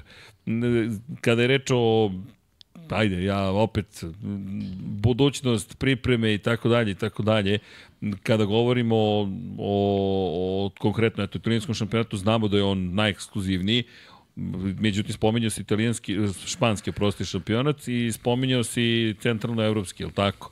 Opet to su, nisu loše alternative ukoliko mogu da se otvore, jel? Ispravi me ukoliko grešim. Naravno, naravno. Ja bih volio bilo kakvu formulu da vozim. Zadovoljio bi se i za, sa tim centralno-evropskim. I evo, na primjer, španski šampionat Formule 4 naš Janić je vozio tamo. Jeste. i, i on je dobre rezultate napravio. Ali ja mislim da je te iste rezultate u italijanskom šampionatu napravio da bi mu se mnogo više vrata otvorilo zato što e, mnogo više tih e, akademija, da kažemo Mercedes i Ferrari i to, oni su konkretnije na italijanskom šampionatu. I on i ja smo se, na primjer, zajedno vozili u kartingu. On i ja smo se zajedno borili za šampionat, tako da znam baš kako on vozi. I on je uvijek bio brz vozač i žao mi je to što nije vozio ove sezone. Da, to ti se opet vraća na manjak želje ili motivacije, već manjak sponzora. No. Pri čemu i to, vidio sam jedna tema se potegla u četu, ima, ima, ima jedno pitanje za tebe baš vrlo konkretno, ali samo da se dotaknem i te priče o sponzorima, mnogo pitanja na konto toga šta može da uradiš rezultatima. Ljudi, možemo da se lažemo, ali mislim da nema potrebe. Dakle, Srbija kao tržište nije velika Dakle, koliko god možda nekom izgledalo veliko, kada govorimo o globalnim tržištima i generalno onome što je potrebno, evo jedan Novak Đoković, pa nije on postao svetska zvezda na početku karijere, pa neko rekao, aha, igrač iz Srbije, ajde da ga podržimo jer će nam to doneti veliki marketing. Ne, Novak Đoković je globalna zvezda. Dakle, to je ono što je njemu pomoglo. Ali se suočio sa situacijom, pomoći ćemo ti kad uspeš. Ovde je malo drugačije. Ovde moraš da imaš mnogo novca da bi uopšte ušao u određene situacije. To ne znači da je Novaku bilo lakše. Samo hoću da kažem da finansijski gledano je mnogo teže iz te perspektive. Ne govorimo o psihofizičkim pripremama ili takmičarskom duhu ili bilo čemu sličnom. Tako da, iz perspektive sponzora oni moraju da dođu iz, iz regiona. Moraju pred svega iz Srbije da dođu. Zašto ja to napominjem? Namerno, nadam se da će neko čuti, zato što je neophodna podrška iz te perspektive i ne samo tebi, svakom od vozača koji dolaze, bilo iz Srbije, bilo iz koje države sa ovih prostora, mi smo tu vrlo balkanocentrični i nadamo se da, da, da će, da će, iskreno, ovo sad koristim kao klačan EPP. Ljudi, Andrej je svoje pokazao, sad treba podrška. I iz te perspektive ja iskreno eto, lobiram, evo, otvoreno sada, da nemamo mi baš mnogo utice. Da se mi pitamo, ej da, patreon.com kroz Infinity Lighthouse. Vidi, ali jednog dana, znaš, promenit će se situacija, nego samo, eto, da napomenemo koliko je to važno i da, moraju biti sponzori Srbije pre svega, da li će posle neki globalni sponzor da kaže, ej, čekaj, u ovom momku i ovim momcima ima brzine, nama to odgovara, to je već neka druga priča. Ali u ovom momentu, da se ne lažemo, sponsor mora da krene odavde i tek onda dolazimo do ovoga što si rekao italijanski šampionat, tako te tamo neko vidi, a čak i tada i kad si uspešan, pitanje je da li možeš da se probiješ bez ozbiljne podrške, jer no, da tu tek onda počinje glavobolja. S obzirom činjenicu ti to sad ulaziš onda u, u situaciju da se boriš protiv Ferrarijeve akademije, Zauberove akademije, Alpinine akademije, juniorskog programa Red Bulla, juniorskog programa Mercedesa. Sam nekog izostavio neki, kao da ima potrebe da još nešto Mislim dodajem. da nisi, da. Aston Martin. Aston, Martin, da. Aston Martin, da. Prije čemu Fernando Alonso ima svoj management tim da. gde je on sila za sebe, gde je, gde, pa evo, Bartolet, Bortoleto je osvojio titul, on je njegov vozač. A evo na rukavu je Charles Leclerc na kombinezonu. Evo ga, da, da, da, tu je. Evo ga, cel. Dakle, govorimo o tome da ulaziš u najveću moguću igru. Ok, ovo je bio EPP, klasičan. Podržite Andriju. Hvala. ne, vidi, to nam je i posao, između ostalog, zašto smo hteli da te pozovemo, da, da čujemo tvoju priču, želimo da znamo šta si uradio, kako si uradio, ko si ti, šta si, čime se baviš, ko stoji iza tebe, kakva je tvoja priča, ali istovremeno hoćemo i da pokušamo da ovo bude razglas za tebe, da neko kaže, vidi, te, te sitne medije, to je što si posjećivao nacionalno, to. Ovo je prava stvar. tako je, Andre, tako je, moj čovjek. Vidi se da si u marketingu. Moraš da budeš u marketingu. Ali to, to je isto jedna stvar. Dakle, ti da bi uspeo ti da sledećem koraku moraš da budeš fokusiran samo na trkanje. Tu već moraš da imaš ekipu ljudi koji radi za tebe. Dakle, marketing da ti pokrije, da ti pokrije prodaju, da ti pokrije šta god, PR, gostovanje, itd., itd., itd. Jer to se sećam šta nam je pričao Miodrag Kotor. Kotor stalno govori, Vozač mora samo da vozi. Ne želim da mi vozač razmišlja o tome da li ima dovoljno guma, da li je dobar tuning, da li imamo sponzore, da li će biti plata za mehaničar ili ne, nego da uđe u garažu i razmišlja o stazi.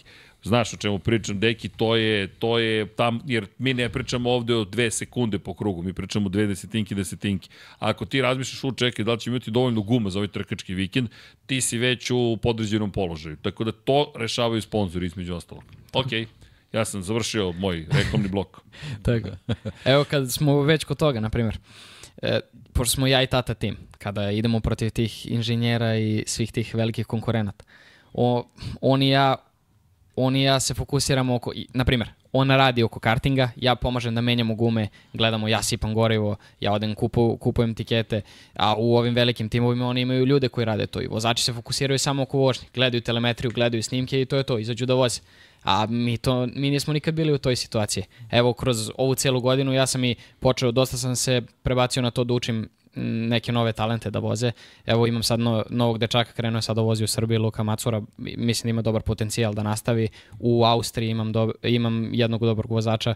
Evo prvu trku kada sam otišao da mu, da mu pomognem, da mu dam neke smjernice, pobedio je. Isto u Švajcarskoj sam počeo, ima dva, jedan vozač iz Švajcarske se kvalifikovao za svetsko sad prvenstvo u toj najmanjoj klasi. Tako da time što sam ja učio tu neku decu da voze, davo im smernice, ti, delom toga smo finansirali trke. Jasno, dobro, ti si zapravo došao u situaciju, čekaj, ti nisi ni počeo poštero svoju karijeru, ti si već profesor. da. Eto pa u kartingu da kažemo sam došao do najvišeg nivoa jer već sam 10 godina u kartingu i e, znam ovaj sport od A do Š. I onda ti neki novi ljudi kada uđu u karting, bitno im je da neko zna da ih uvede, da, da čisto znaju kojim stepenicama da krenu, kojim putem da idu, jer je mnogo lako da se, da se zbune i da krenu nekim pogrešnim putem. Dobro, to je lepo i ne samo što to je divno zapravo i svaka čast na tome, a i ok, otvarati neka druga vrata zato što je izvor prihoda zapravo. Dobro, već, već ovoliko znaš kako funkcioniše komercijalizacija. Dobro. Sad kad si započeo već temu, ovaj, čisto me zanima kakva je ovde scena, da se zahvalim naš drugar Žare Lužajić, on nam je dao tvoj Jest. broj tele, telefona iz Karting Akademije Lužajić. Generalno, kakva je, kakva je slika ovde kod nas? Mislim, ti si upoznat si naravno i onako, eto, iz prve ruke možeš da nam kažeš kako, kako ti to sve izgleda i, i, i da li tu može nešto se promeni na bolje da, da, da ovaj, ti perspektivni momci poput vas koji ste sad bili u Bahreinu već nekoliko godina, čini mi se tamo već naša reprezentacija ide, ovaj, kako ti to sve deluje ovaj, na našoj sceni? Pa, naš nacionalni šampionat u ovom trenutku nije baš najbolje. Nemamo dovoljno vozača, ali svaki, na primjer, kada gledamo odnosu na prošle dve godine, svake godine napreduje, svake godine sve bolje i bolje. Organizacije su bolje svake godine i evo, Srbija u toliko mala zemlja u svakom sportu ima najbolje ljude. Što ne bi to imala i u kartingu i u nekom motosportu. Mi imamo mnogo dobrih vozača kod nas koji da imaju uslove kao u nekim drugim zemljama, ko zna gde bi bili. Evo sad, na primjer, Andrija Kostić pre dve godine je počeo, sad već vozi formulu. Tako da... Znači, da, talenta ima, talenti postoje. On je testirao za, za Van Amersfoort Racing, što je ozbiljna ekipa. Pazi, Max Verstappen je vozio za Van Amersfoort, čak i prvi, prva formula je bila Maxova, to je holandski tim, inače, pa i Charles Leclerc je za njih nastupao, ima tu baš mnogo zanimljivih, pa i kada spominjemo momke koji dolaze, Van Amersfoort nekako ispade, neću reći baš e, mesto za nove vozače, ali nije ni daleko od dodatna. Lindblad je isto vozio za, za Van Amersfoort prvo, pa je otišao u italijanskom šampionatu u Premu pošto Lindblad je ove godine bio u premiji, ako sam dobro zapamtio. Jeste, jeste. Pa po meni je Van Amersfoort jedan od top 3 tima u tom italijanskom ili ti svetskom šampionatu, jer ga tako isto zovu. I ja sam sa njim bio kada je otišao na prvi test Formule s Andrijom I? i bio je u tom slabijem timu, u tom AS Motorsport i to je malo loše izgledalo, zato, kao tim je loše izgledalo i organizacija je manje više kao u kartingu, samo što imaju dva, dva, dva mehaničara Jasne. više, jednog inženjera i to je to. I onda kada mi je pokazao neke snimke kada je otišao sa tim velikim timom, sa Van Amersportom, onda kad mi je pokazao kako izgleda ta njihova fabrika, ti simulatori, to bilo je stvarno neverovatno. Ne, to je potpuno neka druga dimenzija, Van Amersfoort je baš ozbiljna ekipa. Pa i generalno sad u dobro Holandija trenutno u ovom trenutku zahvaljujući Verstappenu baš uživa. Nije čak ni renesansa, Holandija nikad nije toliko uživala u automobilizmu da. koliko sada. Motociklizmu da, automobilizmu ne. Ali dobro, ajde, navijamo u svakom slučaju. Da, pričali smo, ja se nadam da ćemo imati priliku i sa Andrijom da pričamo tokom ove pauze, ali kada je reč o, o generalno, dakle, talent ima, ima talenata. Ok, nastavljamo da lobiramo, jel te? Pa i to nam je jedan od ciljeva, misija, da, da sponzori prihvate, nadam se, činjenicu da nas ima ko smo mi, pa... Ne, ima dosta talento, talentovanih momaka, posebno zato što, eto, da u, u da kažemo, uh, najvišim stepenicama kartinga i najnižim stepenicama jednoseda, generalno ta ulaganja nisu nešto preterano velika, tako da u principu uh, bitno je samo nekako da se ne znam kako koju režu iskoristim, da se izlobira da, da neke, neke ovaj, vodeće, vodeće kompanije tu pronađu neki svoj interes, da se jednostavno ta, ta sfera sponzorisanja raznih kategorija sportova nekako proširi na, na automotosport koji generalno iz nekog razloga ovde nije na taj način zastupljen, iako znamo da svi generalno vole automotosport, ali iz nekog razloga imamo taj fenomen da se ta neka sponzorstva jako teško kače za, za, za vozači iz nekog razloga, tako da to je ta neka ovaj, taj neki zadatak i u budućnosti generalno da, da, da se to promeni, ali mi već ono već smo decenijama tu i znamo ovaj kako to teško ide, ali generalno ovaj ja verujem e, jedna stepenica kad bi se promenila, jedan kad bi se pojavio toj priči da bi se to nekako napravila lančana reakcija, Vidi. ali nekako nedostaje taj prvi Ja korak se iz kačim na. Đokovića, uporno, zašto? Zato što je čovjek pokazao, znam ko je trenirao tenis pre 20 godina, 23 godine, sve njih, ko- njih 12 otprilike i znam kako je to izgledalo tada, znam kako sada izgleda tenis i to je neka moja davna prošlost, ja sam dugo pisao o tenisu od 95. do 99 tad sam bio u sportskoj rubrici dnevnih lista politika i znam tu scenu, veruj mi. Ništa slično, ne, nema nikakve veze s ovim što se danas događa i to jeste ta promjena koja nam je potrebna, ali hteo sam još nešto da dodam. Jel, da li ćete raditi press clippinge? Molim te, uradi screenshot. Evo ti moj dobronamerni savjet, nisi ga tražio pa ne zameri što ti ga dajem sve gde si gostovao, svaku televiziju koju si spomenuo, RTS, Pink, ne znam gde ste sve zvali, dakle, sve to napravi prezentaciju koju se jasno vide njihovi logotipi i ti u kadru. I onda nacrtaj ovako na majici, ovde može da stoji vaš logotip. Zašto Toto Wolff je iscrtan ili Lewis Hamilton? Zato što kad se logotip vidi, to je taj čuveni media exposure, to je, to je taj moment koji sponzori žele da plate. I ako te neko pita zašto da vas sponzorišem, evo zašto da me sponzorišete. Zato što sam vaša pokretna reklama. Vrlo je jednostavno i ne zameri, ne zaista, no. samo sam mnogo stariji i dugo se bavim marketingom, ali uradi to, veruj mi, makar negde neko će da kaže, pa čekaj, ajde da nešto probamo, a i ako ne uspe, makar si dao sve od sebe. To, to je ono što je na, moj, moj dobronamerni savjet, daj sve od sebe, sve ostalo. Ne, nemaš ti da upravljaš srećom, ali moraš da se namestiš tako da ako sreća se pojavi da bude tu u pravom trenutku u pravo vreme, kaže, ej, čekaj, ovo sreće nije tako loša, ali si i ti zaradio, nije ti se pojavila sa kruške. Tako da, eto, to ti je moj topli savjet. Imaš majicu sponzora kog neću spomenuti jer nije platio tebi. Da je platio tebi, ja bih ga sad spomenuo. Tako. Ali, umesto tu da stoje sad logotipi sponzora, kojih nema, onda stoji, napravi makar svoj logotip, evo. Napravit ću svoje majice. Tako doneću. je, mi smo napravili svoje majice. Ko kupi roze, daje za... Niko nije mogao da nam zabrani. Da, da. ne, ne, šta smo, kako smo mi napravili majice, tako što smo rekli, pa čekaj što da reklamiramo nekoga ko nam nije ništa platio, ajmo bar da stavimo svoj logotip. Nismo imali plan uopšte da se bavimo prodajom majice. Inače, neke majice su rasprodate, hvala vam na tome. Dekijev japanski duks je rasprodat, njegov je na pranju. Najzad...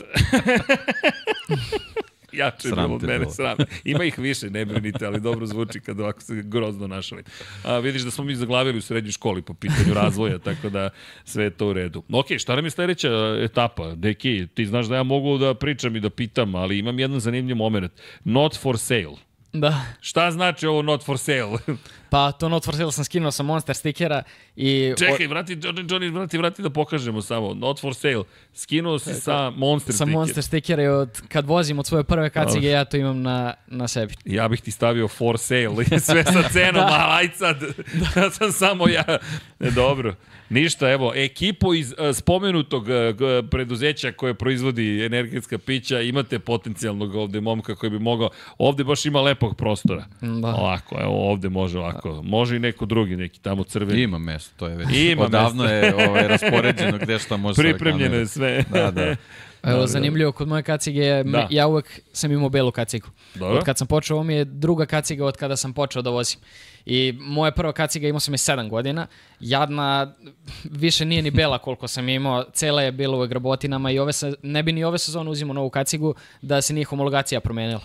I sada kada sam uzeo u novu kacigu, razmišljao sam da li da izbrendiram, ali nekako je moj stil i da kažem postao mi mođo da imam belu kacigu sa par stikera imenom Not for Sale i naravno srpskom zastavom. I ako budem uspeo u te jednosede da prođem, mislim da će mi ovo biti... Imaćeš prepoznatljivu kacigu. Tako je. Da, da. A i ne privlači sunce. Da, Što nije loše To uopšte. nije loše Da. ponekad, da, da. E, kako je bilo u Bahreinu? Bila vrućina? ili- O, baš je bilo lepo vreme, od 25 do 30 stepeni, tako da baš je bilo perfektno i za vožnju i dosta je bilo noćnih trka. I to je bilo baš lepo jer kada kreću treninzi u 3 popodne, do tad smo mi na plaži, tamo uživamo u Bahreinu. Ja, lepo, dok, super. je, dok je ovde minus, dok pada kiša, mi uživamo E, tamo. hvala ti. Nemoj to da pričaš, pričaj kako je teško, kako se mučiš, nemoj da pričaš o plažama. Ali dobro, ali je, mislim, mi sve vreme kad sedimo na plaži mi gledamo šta ćemo da radimo kada dođemo Naravno, na stazu. naravno. Ne brini, samo se šalim. da smo- Zamisli, zamisli ono iz četvrtog jedan, znaš, što su jednu godinu stariji od tebe. E, to je naš nivo humora, ništa ne brini. samo zato što nam je drago što si ovde. Dobro, neka ste se pripremali na plaži, to je bolje nego se pripremaš ciči je. zimi, to sasvim u redu. I onda treninzi kad su kretali od 5 popodne, onako, smr tamo baš rano pada mrak. U 4 popodne je već mrak. I onda kada krenu treninzi, upale se reflektori na onoj stazi od 1600 metara i elevacije na onoj stazi su ogromne. Znači, Ja sam baš to ti pitan, kako ti je lagla staza, kako ti deluje ovako? To- U odnosu na ove što si vozio do sad, te međunarodne. Tako je. Ja sam rekao tati, ako pobedim sad svetsku, bit će mi omiljena staza i pobedio sam tako da jeste. Uglavnom, meni je omiljena staza na kojoj sam najbolje nešto, najbolji rezultat ostvario. Do ove godine mi je Le Mans bio omiljeni i ove godine sam bio 15. tako da to se bacilo u vodu. E, Šta su to ključne razlike u karting stazama? Mislim, sve generalno imaju ono, imaju tu neku dužinu otprilike identičnu i sad to su neki spletovi krivina, pravci. Šta, šta razlikuje jedno od druge?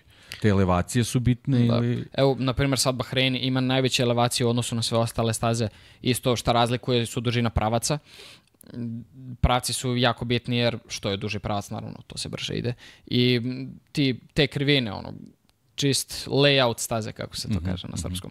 Kako, kako, kako idu krivine. I šta si, šta si rekao, Belgija? To je, to je spa neka staza ili... E, nije. Nisi na spa bio, aha. Blizu, blizu Holandije. Spa staza je, nije klasifikovana za evropske A nije, trke za aha, karting. Da, aha. mislim da ima oko 800-900 metara.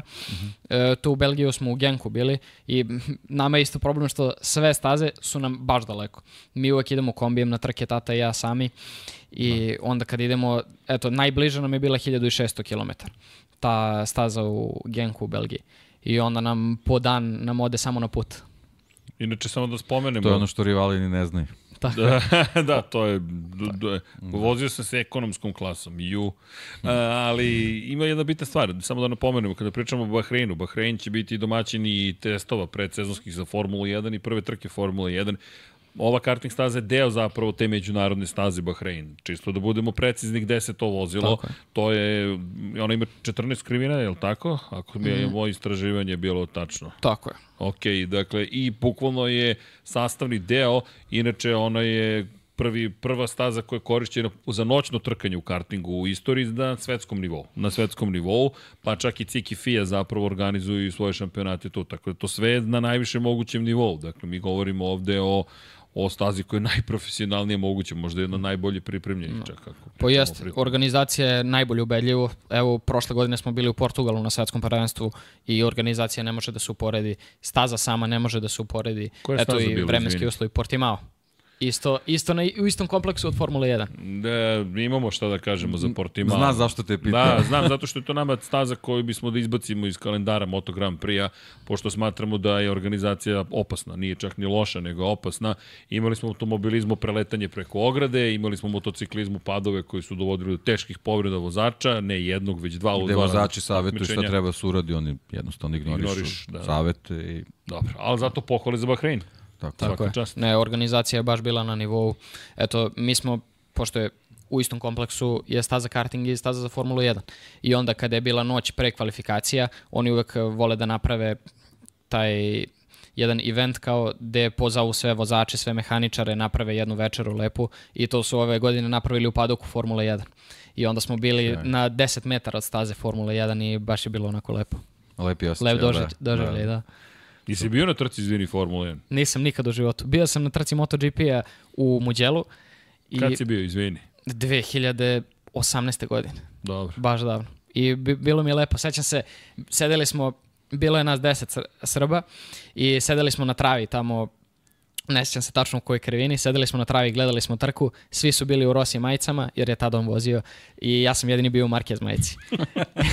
I svima je bilo, imao sam sreću što sam bio dete, jer sam svima bio smešan. Tako, sad ne znam kako bi to baš prošlo. A sad nije toliko dramatično, možda bi ti neko dobacio Vidjet nešto. ćemo za 24.. Da, da, vidi, da za Vidjet ćemo. 24. u napeto, Napeto će da bude. 50 godina muđela, bit će zanimljivo. Ali da, i to mi je zanimljivo kad si nas spomenuo, kad si došao u ovih 5-6 minuta pripreme, da si zapravo gledao više MotoGP podcast nego bilo šta drugo, da, to, to smo shvatili da onda MotoGP zapravo važan. Eto, prošle, pretprošle godine mi je mnogo bio zanimljiv MotoGP i kada je se kada se Quartararo borio za šampionat, baš mi je bila zanimljiva sezona i onda sve te neke detalje koje ne mogu, kada, jer ja samo odgledam trku i ugasim televizor i ti, sve, svi ti neki detalji koji se dešavaju posle trke, ja to ne znam i onda sa trenerom kada dođem na trening, on je imao ta neki, neku salu u njegovom stanu i onda mi upalimo podcast, treniramo i slušamo šta se dešava. da zovemo da čovjek dođe da bude srđane. Zapisuj. Zapisujem, ne, ovo je reklama za Lab 76, hvala ti Andrej. Ali dobro, lepo je to čuti. Stvarno je lepo čuti generalno koliko ljudi vole zapravo automotosport i to ono čemu mi, na čemu mi insistiramo. Jer mi slušamo isto kao i ti da to niko ne gleda, da to nikom nije bitno, bla, bla, bla to je bla bla bla, jedan veliki nije istina uopšte. Imaš milion ljudi i mnogo ljubavi oko, koje se okuplja oko ovih sportova i ono što, jedino što smo shvatili, znaš šta nam nedostaje u studiju? Nemo ništa što ima veze sa kartingom. Da, da li veruješ da smo, ne ozbiljno, pola sata, 45 minuta, koliko već pokušamo da nađemo bilo šta što ima veze sa kartingom. Znali smo da će ti nešto doneseš, ali da, nisu, svaka da, čast. Da, da, ne, donosi. Sledeći put ćemo baš doneti nešto da vam ostavim, tako da vam ne, bude ne, ne, ne, nije ovo bilo žickanje, da, da. znaš, i ovo, znaš, jadni mi nemamo ništa ako možeš ostaviš nešto u studiju. Ne, nego sad samo znamo šta trebamo da nabavimo. to, to, to, to, to. Ne, a dolazi Johnny kaže, pa što mi niste rekli, ja imam karting ma makete i modele kod kuće. E, okay. e karting, da, makete modele, to sam da. malo pre pa mi pobeg. Jel postoji neka video igrica gde imaju neke karting staze da, da njih možda može u simulator neko da vozi ili... Da, to je baš dobro pitanje. Postoji, ali nije baš realno napravljeno. Mi sada, na primjer, kad smo bili u Lemanu, e, napravili su u sklopu tog takmičenja kao takmičenje za simulator. I ko može na karting stazi Le Mans na simulatoru da napravi najbrže vreme. Ja sam uspio tu da napravim najbrže vreme, ali mi nije, nije mi nekako bilo realno. I... A koja je igrica u pitanju? Uh, mislim da je... Assetto ili je Ne, ne, ne, baš, baš kar, kart, kart, kart Racing Pro, mislim. Kart Nisam Racing, Pi, pišem. Tako nešto. Ili R Factor 2. Mislim da je R Factor 2. A, pa dobro, to je drugo. Da. Dobro, ne, okej. Okay. To je, to je već drugo. Da, da vozio sam baš našu stazu Adahuju jer mi tu treniramo kada smo u Srbiji. Mm -hmm. i onda sam baš želeo da vidim razliku u Seamasteru sam je probao isto na R Factor 2 igrici.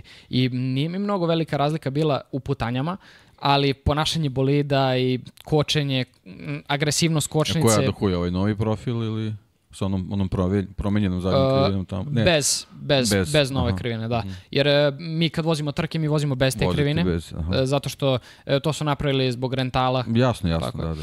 I onda kad sam probao putanje su se iste vozili, to mi je baš, baš me začudilo, ali taj osjećaj e, eto, osjećaj G sile i to, to mi baš nedostaje i to mi u svim simulatorima nedostaje. Tako Dobro, da. ali to što si pričao da je za karting potrebno ta, ta, to, to mikro kretanje volana, da. to može da se i simulira. Mislim, jesu bar to napravili da... Slično je, ali za karting je mnogo teško to da se napravi isto, zato što su baš mikro pokreti. Da, da.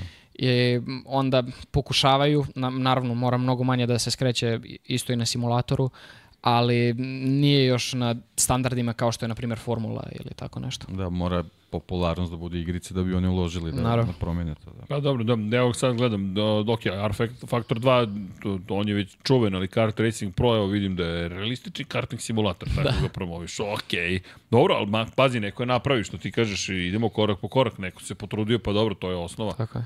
Dobro, to nije loše. I lepo je čuti ovo da, da, da, je, da, je realisti, da su putanje zapravo realistične. Da. To, mi je baš drago. I drago mi je da čujem da si bio prvi. Da. Znao sam šta pitam. Dakle, koliko god ne, ne, ne, neprijatno, ali očigledno da... Jer znaš zašto te pitam?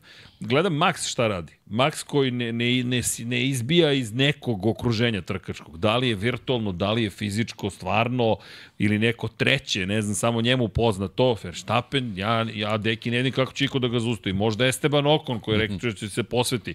Jer kako gledaš posvećenost, Max je samo tome posvećen. A ja čak ne mislim da to nije posvećenost. Ja zaista mislim da on uživa u svom životu takvom kakav jeste. Dakle, svetski šampion Formula 1 i onda dobiješ priliku da sve ovo voziš. Ali dobro neka druga priča, ne, neću da ti ništa namećem, samo, samo, samo bilo jasno odmah da, da očigledno tu treba, da, da to treba pitati. Jel imaš PlayStation ili nešto? E, imao sam kući svoj simulator. Da, a, okej. Okay. Ali nije bio na nekim dobrim standardima, isto sam imao Logitech kao vi, ali onda sam ukapirao da u Seamasteru imaju bolje simulatore i onda I onda sam shvatio da nema potrebe da vežbam kući, zato što... Imaš prostor. Tako je. Super, bravo. I bravo za ekipu, stvarno. Urađen sjajan posao. Jeste. Dobro, Odlično. sad još da vidimo tu virtualnu trku. Da. Reci mi, ovaj Bahrein, to je jedina staza van Evrope koju si vozio? Uh, Ili si vozio još nešto možda? Mislim da nisam. Uh, Ne, mislim da je Ali to imaš jedina neka staza. saznanja o, o, o vršnjacima iz Azije i Amerike. E, Pa znate kako sad, eto, na primjer kad smo došli na svetsko, e, svi isti vozači koji voze evropsko, eto iz naše Evrope, da kažemo, ili Britanci, ja njih računam da su u Evropi, e, oni svi se isti voze napred i na svetsko. E, neki vozači koji dođu iz Afrike ili Azije nikad se nisu pokazali da su nešto dobri na tim velikim takmičenjima. Tako da ne znam kakve oni šampionate imaju ili staze. A Severna Amerika? Pošto znam E, da tamo su bili da, neki, neki video sam- veliki šampionati poput ovoga. Da, vidio sam, vidio sam da su u posljednjih par godina baš počeli da guraju karting, da, da ga promovišu što više i mislim da tamo kod njih napreduje to dosta i da će u sledećih par godina biti to na baš velikom nivou.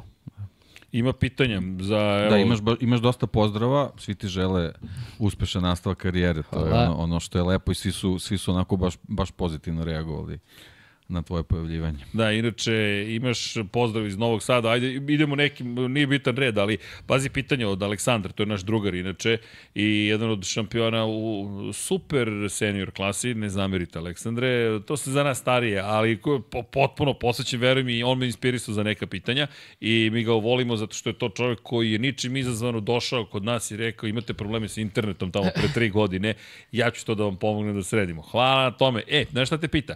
A, pita da li kontrolišeš disanje tokom vožnje, da li stigneš uopšte da razmišljaš o tome ili imaš neki trening pre nego što uđeš u trku koji baš se tiče disanja?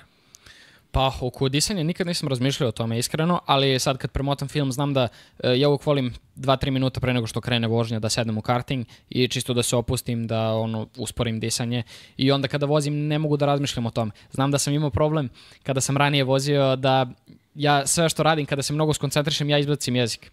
Aha. I onda izbacim jezik kada odem preko kordola ja se zagrizem.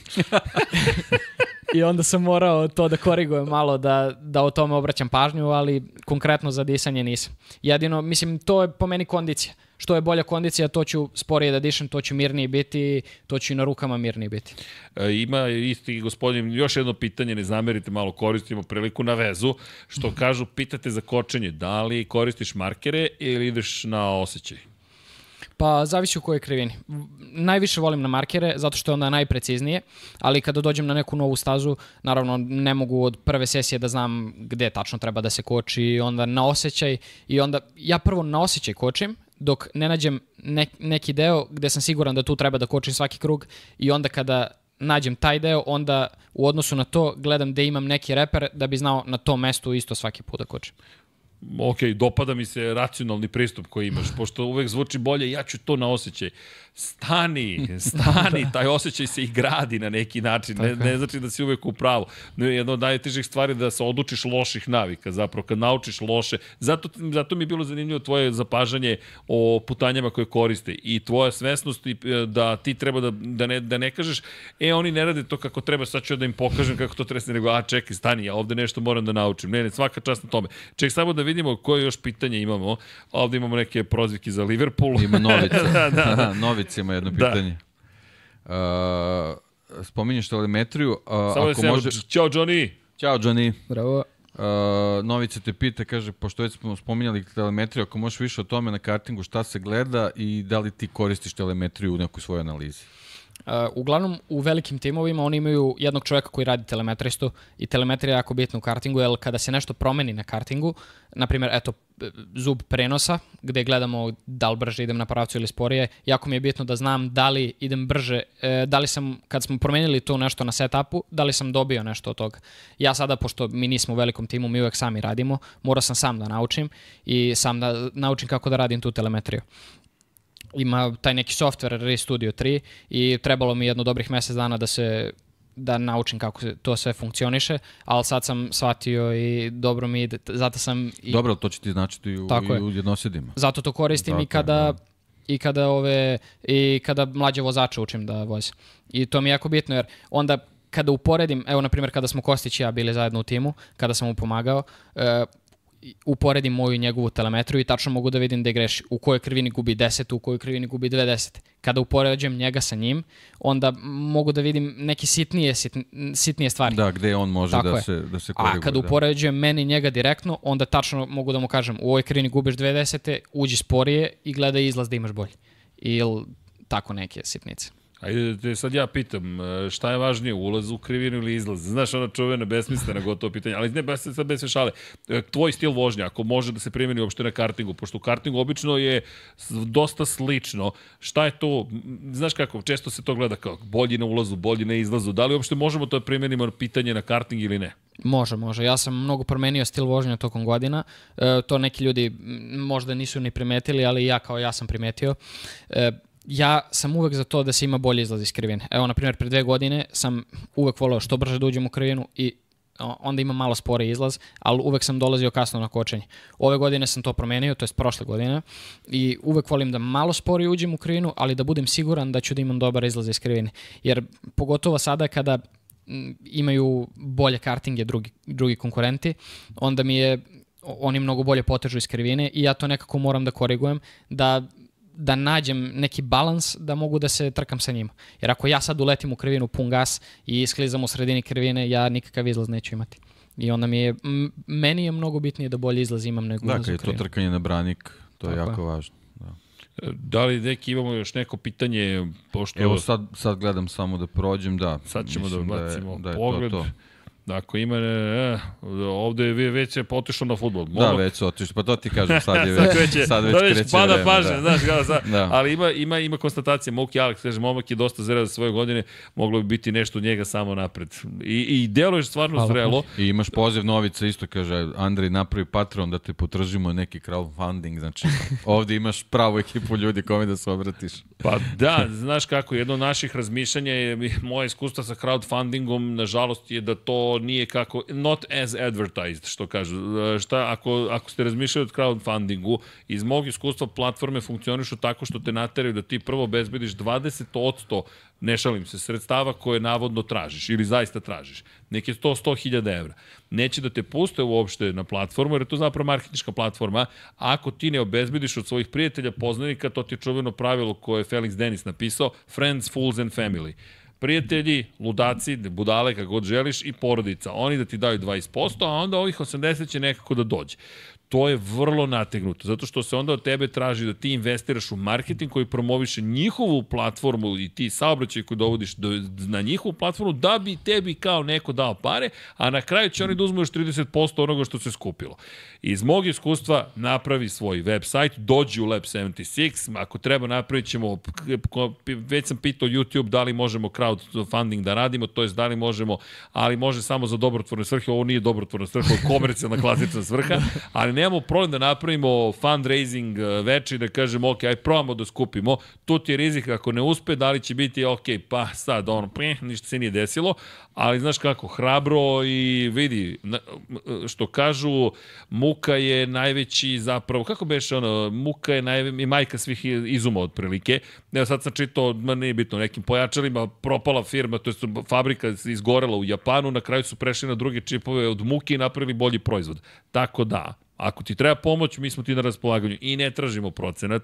Dakle, to se ima po, po ponavljam i a, mnogi pitaju kada ćete zovete ovoga, kada ćete zovete ovoga. Nemamo pojma, ljudi, kad stignemo otprilike, zato što nas ima tri. Evo, trenutno ja menjam kadrove, hoćete da vidite kako, op, op, op. Zašto? Zato što je subota, ljudi danas ne rade i nema potrebe. Tako da, znaš, hvala ti. Da, imamo, ja mislim, još jedno pitanje, samo da bacim pogled. Ne, ja imam, imamo ovaj naređenju od Andrije. Andrija Kostić kaže, puštajte ga, treba da idemo zajedno na simulator. Andrija, čekaj, Andrija, kad nam ti dolaziš, to je pitanje. I recite mu da dođe po mene kolima. Šta ti je moderna generacija? Eto, dobio si sve informacije. Inače, najzad imamo nešto lepo da kažemo za VAR. Van Amersfoort Racing. Da. to, da. to, to shvatio da. upravo. Tako da, e, kaže, kada bi bar šampion Srbije imao konkretnu podršku države, imali smo svaki godine barem par vozača F4. Pa čujte, neka jedan dobije priliku, neka se organizuje ja kažem, jedan, šta god. To bi, to bi zamec bio pravi, da. Ali, ok, mi smo tu, ti si tu, Andrija je tu, neka nova generacija, ne samo novi, Filip je tu, nećemo da ga zaboravimo. Zašto ja izbegam da spomenjem neke stvari oko Filipe? Zato što, šta da kažemo čoveku?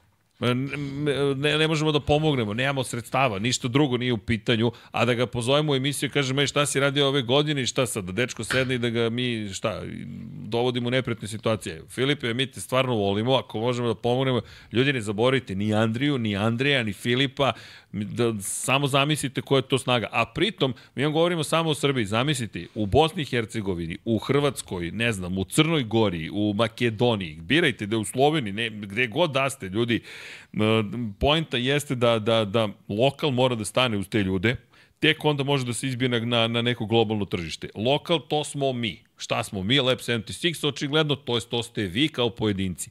I ja iskreno ne gledam više toliko kao bilo kakvoj organizaciji na nekom, bilo kom nivou. I uopšte ne pričam o politici, pričam generalno svakog sponzora moraš da ubediš. Kad ga jednom ubediš gde postoji problem, kad se odubedi taj sponzor, i misli da ti nemaš to što treba da imaš, ti imaš single point of failure ili taj jedan sponsor kad ode, to je kraj. Zato crowdsourcing, crowdfunding, neka zajednica, šta treba da napravimo? Ono što pričamo već godinama. Packers, Green Bay Packers model. Kupite udele u... Napravit ćemo racing team, Lab 76 racing team, svake godine kupujete udele od nas i onda imamo budžet za neke nove klinke i klince. Da, ili ima neka devojčica da se takmiči? To je meni uvijek zanimljivo. U Srbiji mislim da nema. Ima u stvari iz Jagodine dve, dve devojčice, mislim da su baš, baš su napredovale ove godine i vidjet ćemo kako će kroz veće kategorije i dalje su male. Ali na evropskoj sceni u čitavom motosport, automotosportu u kartingu nema toliko devojčica. Prošle godine je bilo ba, par dobrih Poljakinja, ali sad su već prešle u jednosede, tako da vidjet ćemo. Po meni nisu dovoljno dobre da bi došle do Formule 1, imaju sredstva za to, ali mislim da će se oko Formule 3 zaostaviti. Možda nastave onu Formula Akademiju, da li je to nova stvar Formula 1? Jeste. Da, to, to, je, to je sad Zozi da. Wolf cijela priča. Ali, futbol je počeo, Andrija te čeka, a, pretpostavljam da i ti žuriš na simulator. E, šta drugo, pa, pazi, stvari su vrlo jednostavne. Nas dvojica ćemo ostati, ja ću pokušati da pustim Patreon da ih pročitam, tebe puštamo da ideš. Vidim da si u žurbi. Ma nisam. Ali, ma nisam. Vidi se da si ljubazan čovjek. Ali ono što ja hoću da kažem jeste, ljudi, e, to je bio mladi gospodin Andrej Petrović, da vidite njega u kadru, a ne mene. Mi mu se zahvaljujemo u ime cijele ekipe Lab 76 svih vas. Kliknite like, share, subscribe, sve one lepe stvari koje nama znače i mnogo su važne iz perspektive podrške, zato što kada kliknete like, onda se više pogleda jel te video, preporuči ga YouTube i s te perspektive onda dobijemo i više od reklama, onda nam moguće to da budemo nezavisni, da dalje pričamo, bla, bla, bla, odvajamo vreme i budemo to što jesmo. S druge strane, subscribe još više znači trenutno zato što mnogo ljudi nije gleda, nije subscribero, nećemo zgnjaviti, isključite zvonce, mi vam ni ne tražimo da upalite zvonce, ali kada upalite zvonce onda znate da dolazi Andrej Petrović i tako dalje i tako dalje. U svakom slučaju zadovoljstvo je bilo pričati sa tom, ja ti želim da ti ovo bude prvi od mnogo ovakvih trofeja i da ti vremenom postane najmanji trofej na vitrini kako da te podržimo, nadam se da ćemo uspeti spominjanjem sve češće i češće, a sve ostalo, pa na tebi je, ajde da taj test dobar bude, pa da, pa da pričamo onda za jedno 2-3 meseca, uhu, kako će biti sezona u budućnosti, može? Može. Hvala puno što ste me zvali. Eto. Ne, ne, hvala tebi za sve, što bi rekao neki, hvala tebi. hvala tebi. A, ljudi, mi ćemo sada da pokušamo da izvedemo, da vam pustimo imena svih onih koji nas podržavaju. Zašto? Zato što ja očigledno odavde upravljam sada sistemom, nemam pojma da li ću u tome uspeti ili ne. Deluje mi da će to biti teška priča. Ja, to može ali, nakon nas ubaci. Ne, ali deki, znaš šta možemo? Preuzmi od, od mene priču, ja ću da po, trčim do OBS-a, pustim Aha, to. može i, tako. To može ti tako. kažem, ova ekipa, vidi, viš kako mi isto tako, kao, kao i ti, fokusirani smo samo na jednu stvar. Tako. Deki, it's to all je yours. dvočlani tim. u ovom trenutku. Ne, mislim, ja se pridružujem ovo sve što je, što je Srđan rekao. Mislim, zaista pre svega čestitke na, na rezultatu i čestitke svim momcima koji su iz Srbije bili ovaj, na, na, na Rotax svetskom finalu. Mislim, stvarno mi deluje da je bilo jako veliko i jako značajno takmičenje. Čini mi se, to nismo spomenuli, 384-5 ovaj takmičar je bilo stvarno stvarno ovaj velika stvar ovaj mislim da da da ovaj rezultat uh, mnogo znači pre svega za, za generalno naš automobilski sport, ne samo za karting, ne samo za, za tebe lično. Ja bih zaista voleo da da, uh, da ovakvi, ovakav rezultat kao tvoj, slični rezultati samo budu zamajac da, da zaista u nekoj budućnosti, ovo što Srđan priča, jednostavno pokušamo da zajedno napravimo tu, tu neku, neku zajednicu gde ćemo moći da, da, da, da privučemo one koji su stvarno ovaj, jako važni zato što pre svega nosite neke financije koji su u ovom sportu toliko, toliko neophodne, tako da eto, nadam se da ovo samo bude početak uh, i tvojih rezultata i rezultata neki, nekih, neke nove dece koje, koje dolaze u budućnosti. Ovaj, hvala ti još jednom ovaj, što si izdvojio vreme za nas. Eto, nadam se da ovo samo prvi, prvi ovaj korak prvi u nekom korak. našem druženju. A, dalje, a, da. on već postaje nestrpljiv. Da. Ja mislim, Andrej već ljudi moram sad da idem. Nije, nije. Ne, ne, ne, ne, ne, Andrej, stvarno, hvala ti još jednom. Uh, budi dobar, uči, bez obzira što ti preporučuje ovde neki da batali školu, to ćeš kasnije učiti. Ti završi to usput, nemoj molim te, posle roditelji nas tvoji da, da nas potražuju. U svakom slučaju, još jednom, sve najlepše. Hvala. I ja ću sada da se prebaci na Patreone, a ti pakuj prnje što kažu i trk na simulator. Pozdrav za sve vas ljudi. Volite se, mazite se, pazite se, budite dobri jedni prema drugima, vozite račune drugima, a mi sada da se zahvalimo svima onako kako doliko je.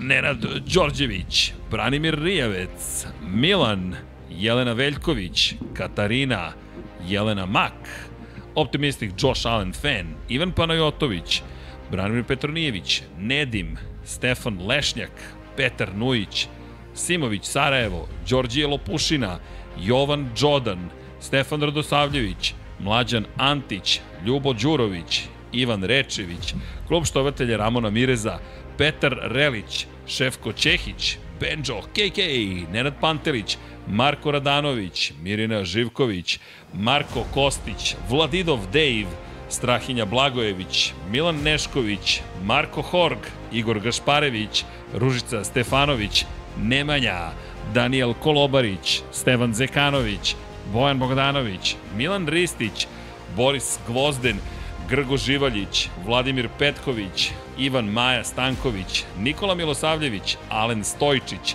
Sead Šantić, Đorđe Andrić, Laslo Boroš, Bogdan Uzelac, Ivan, Ognjen Ungurjanović, Stefan Dulić, Đorđe Đukić, Renata Neš, Vladimir Stojadinov, Mihovil Stamičar, Armin, Mario Jelena Komšić, Danka, Bojan Majstorović, Blufonac, Šmele, Davor, Goša 46, Aleksandar Milosavljević, Kovačević Omer, Miloš Prodanović, Đorđe Milanović, Denis Špoljarić, Branimir Kovačev, Predrag Simić, Sava Dugi, Anonimus Donatorus, Marina Mihajlović, Mladen Mladenović, Marko Ćurčić, Stefan Vuletić, Dejan Vujović, Dušan Ristić, Branislav Dević, Boris Erceg, Stefan Milošević, Vučinić Miroslav, Jugoslav Krasnić, Dušan Petrović, Marko Petrehanović, Vukašin Jekić, Ivica,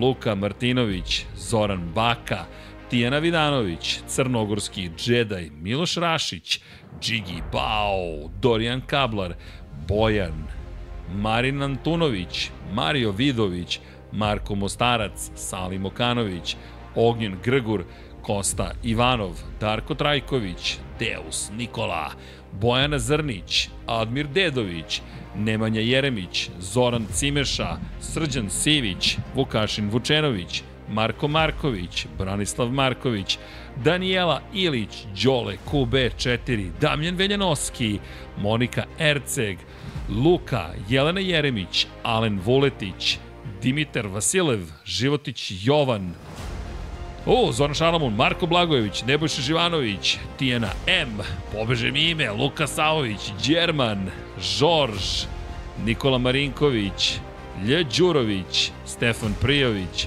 Milan Milašević, Filip, Peđa Janković, Bogdan Mitrović, Matija Rajić, Miroslav Cvetić, Đole Bronkos, Ivan Čule, Matija Binotto, Antonio Novak, Nenad Simić, Tina i Ilija, Sean Heng, Jasenko Samarđić, Aleksandar Mitrović, Laslo Bolok, Jeca and Stefan, Ivan Cigir, Ferenc Laslofi, Mladen Tešić, Lazar Pejović, Veselin Vukićević, Nikola H, Vladimir Uskoković, Ertan Prelić, Miroslav Dosavljević LFC, Borislav Vukojević, Robert Čolić, Dijan Avić, Andreja Branković, Mirina Kovačević, Stefan Ličina, Dragan Nikolovski, Bahter Abdurmanov, Predrag Pižurica, Neđo Mališić, Aleksa Lilić, Vambli Sapa, Armin Durgut, Boris Golubar, Da žena ne sazna, Ivan Maksimović, Živojin Petković,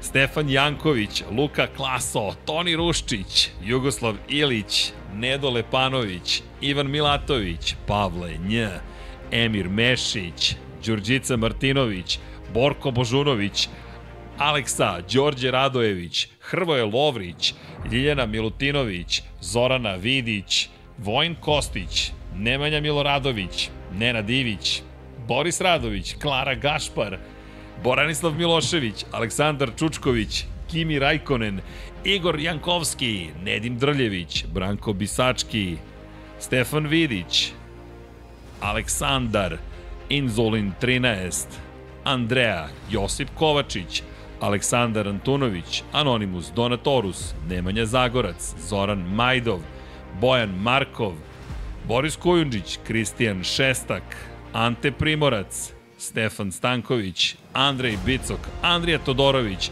Milan Kića, Zoltan Mezeji, Žarko Milić, Bata Brada, Miloš Banduka, Vladan Miladinović, Borislav Jovanović, Andrej Božo, Luka Manitašević, Nikola Stojanović, Miloš Vuletić, Aleksandar Banovac, Ivan Sović, Ivana, Vanja Radulović, Bojan Mijatović, Andreja Miladinović, Zlatko Vasić, Aca 43 Zla, Safet Isljami, Dejan Avić, Milan Apro, Aleksandar Bobić, Marko Trkulja, Ivan Simeunović, Stefan Nedeljković, Đole Cheesehead, Gorija Edson, Vladimir Mutić, Dragan Matić, Vlada Ivanović, Marko Kozić, Ivan Rebac, Martin Gašpar, Mihajlo Krgović, Strahinja Brajanoski, Aleksandar Jurić, Aleksa Valter, Jasmina Pešić, Novak Tomić, Aleksandar Anđelić, Dušan Delić, Lukas, Aleksa Vučaj, Nemanja Labović, Nikola Božinović, Saša Ranisavljević, Kristina Ratković, Dimitrije Mišić, Igor Vučković, Anonimus Donatorus, Branislav Kovačević, Dejan Đokić, Miloš Rosandić, Dario J, Matej Sopta, Mladen Krstić, Miloš Todorov, Dejan Janić, Ognjen Marinković, Vladimir Jovanović, Nikola E, Vladimir Filipović, Nikola Grujičić, Vuk Korać, Marko Bogavac, Ivan Toškov, Lazar Hristov, Petar Bijelić, Iroš, Uroš Ćosić, Luk Williams, Pujo, Milorad Reljić, Zlatko Marić, Nemanja Miloradović, Nikola Grđan, Drago Veković, Bojan Markov, Sadam Mehmedović, Peja MDE, Dejan Plackov-Plackov, Marko Jevtić, Zoran Mladenović, Bojan Stanković, Amar Taso, Nikoleta Minić, Dinstero, Aleksandar P, Omer Sarajlić, Milanka Marunić, Galeksić, Stevie G8 M93, pa Ramzes Rama, Aleksandar Jokić, zatim Ehil, Elden Polovina, Predrag Zec, Igor Ninić, Marakos, Mile Supodinov Ristov, Edin Ustavdić, Blagoj Ačevski, Alen Jesenović, Zoran Baka, Baka tu, Mensur Kurtagić, Ivan Vujasinović, Vukašin Vučenović, Slaven 84, Aleksandar Stojković, Marko Lučić, Ćera 7, Krorobi 00, Nikola Hrnjaković, Anonimus Donatorus, Domagoj Komač Rajkov, Mateja Nenadović, Toni Sone 76, Ada Sokolović, Mrča, Nikola Vulović, Aleksandar Egerić, Penđer, Nikola Božović, Dejan Janić, Bojan Gitarić, Katarina Stepanović, Lunatic Soul,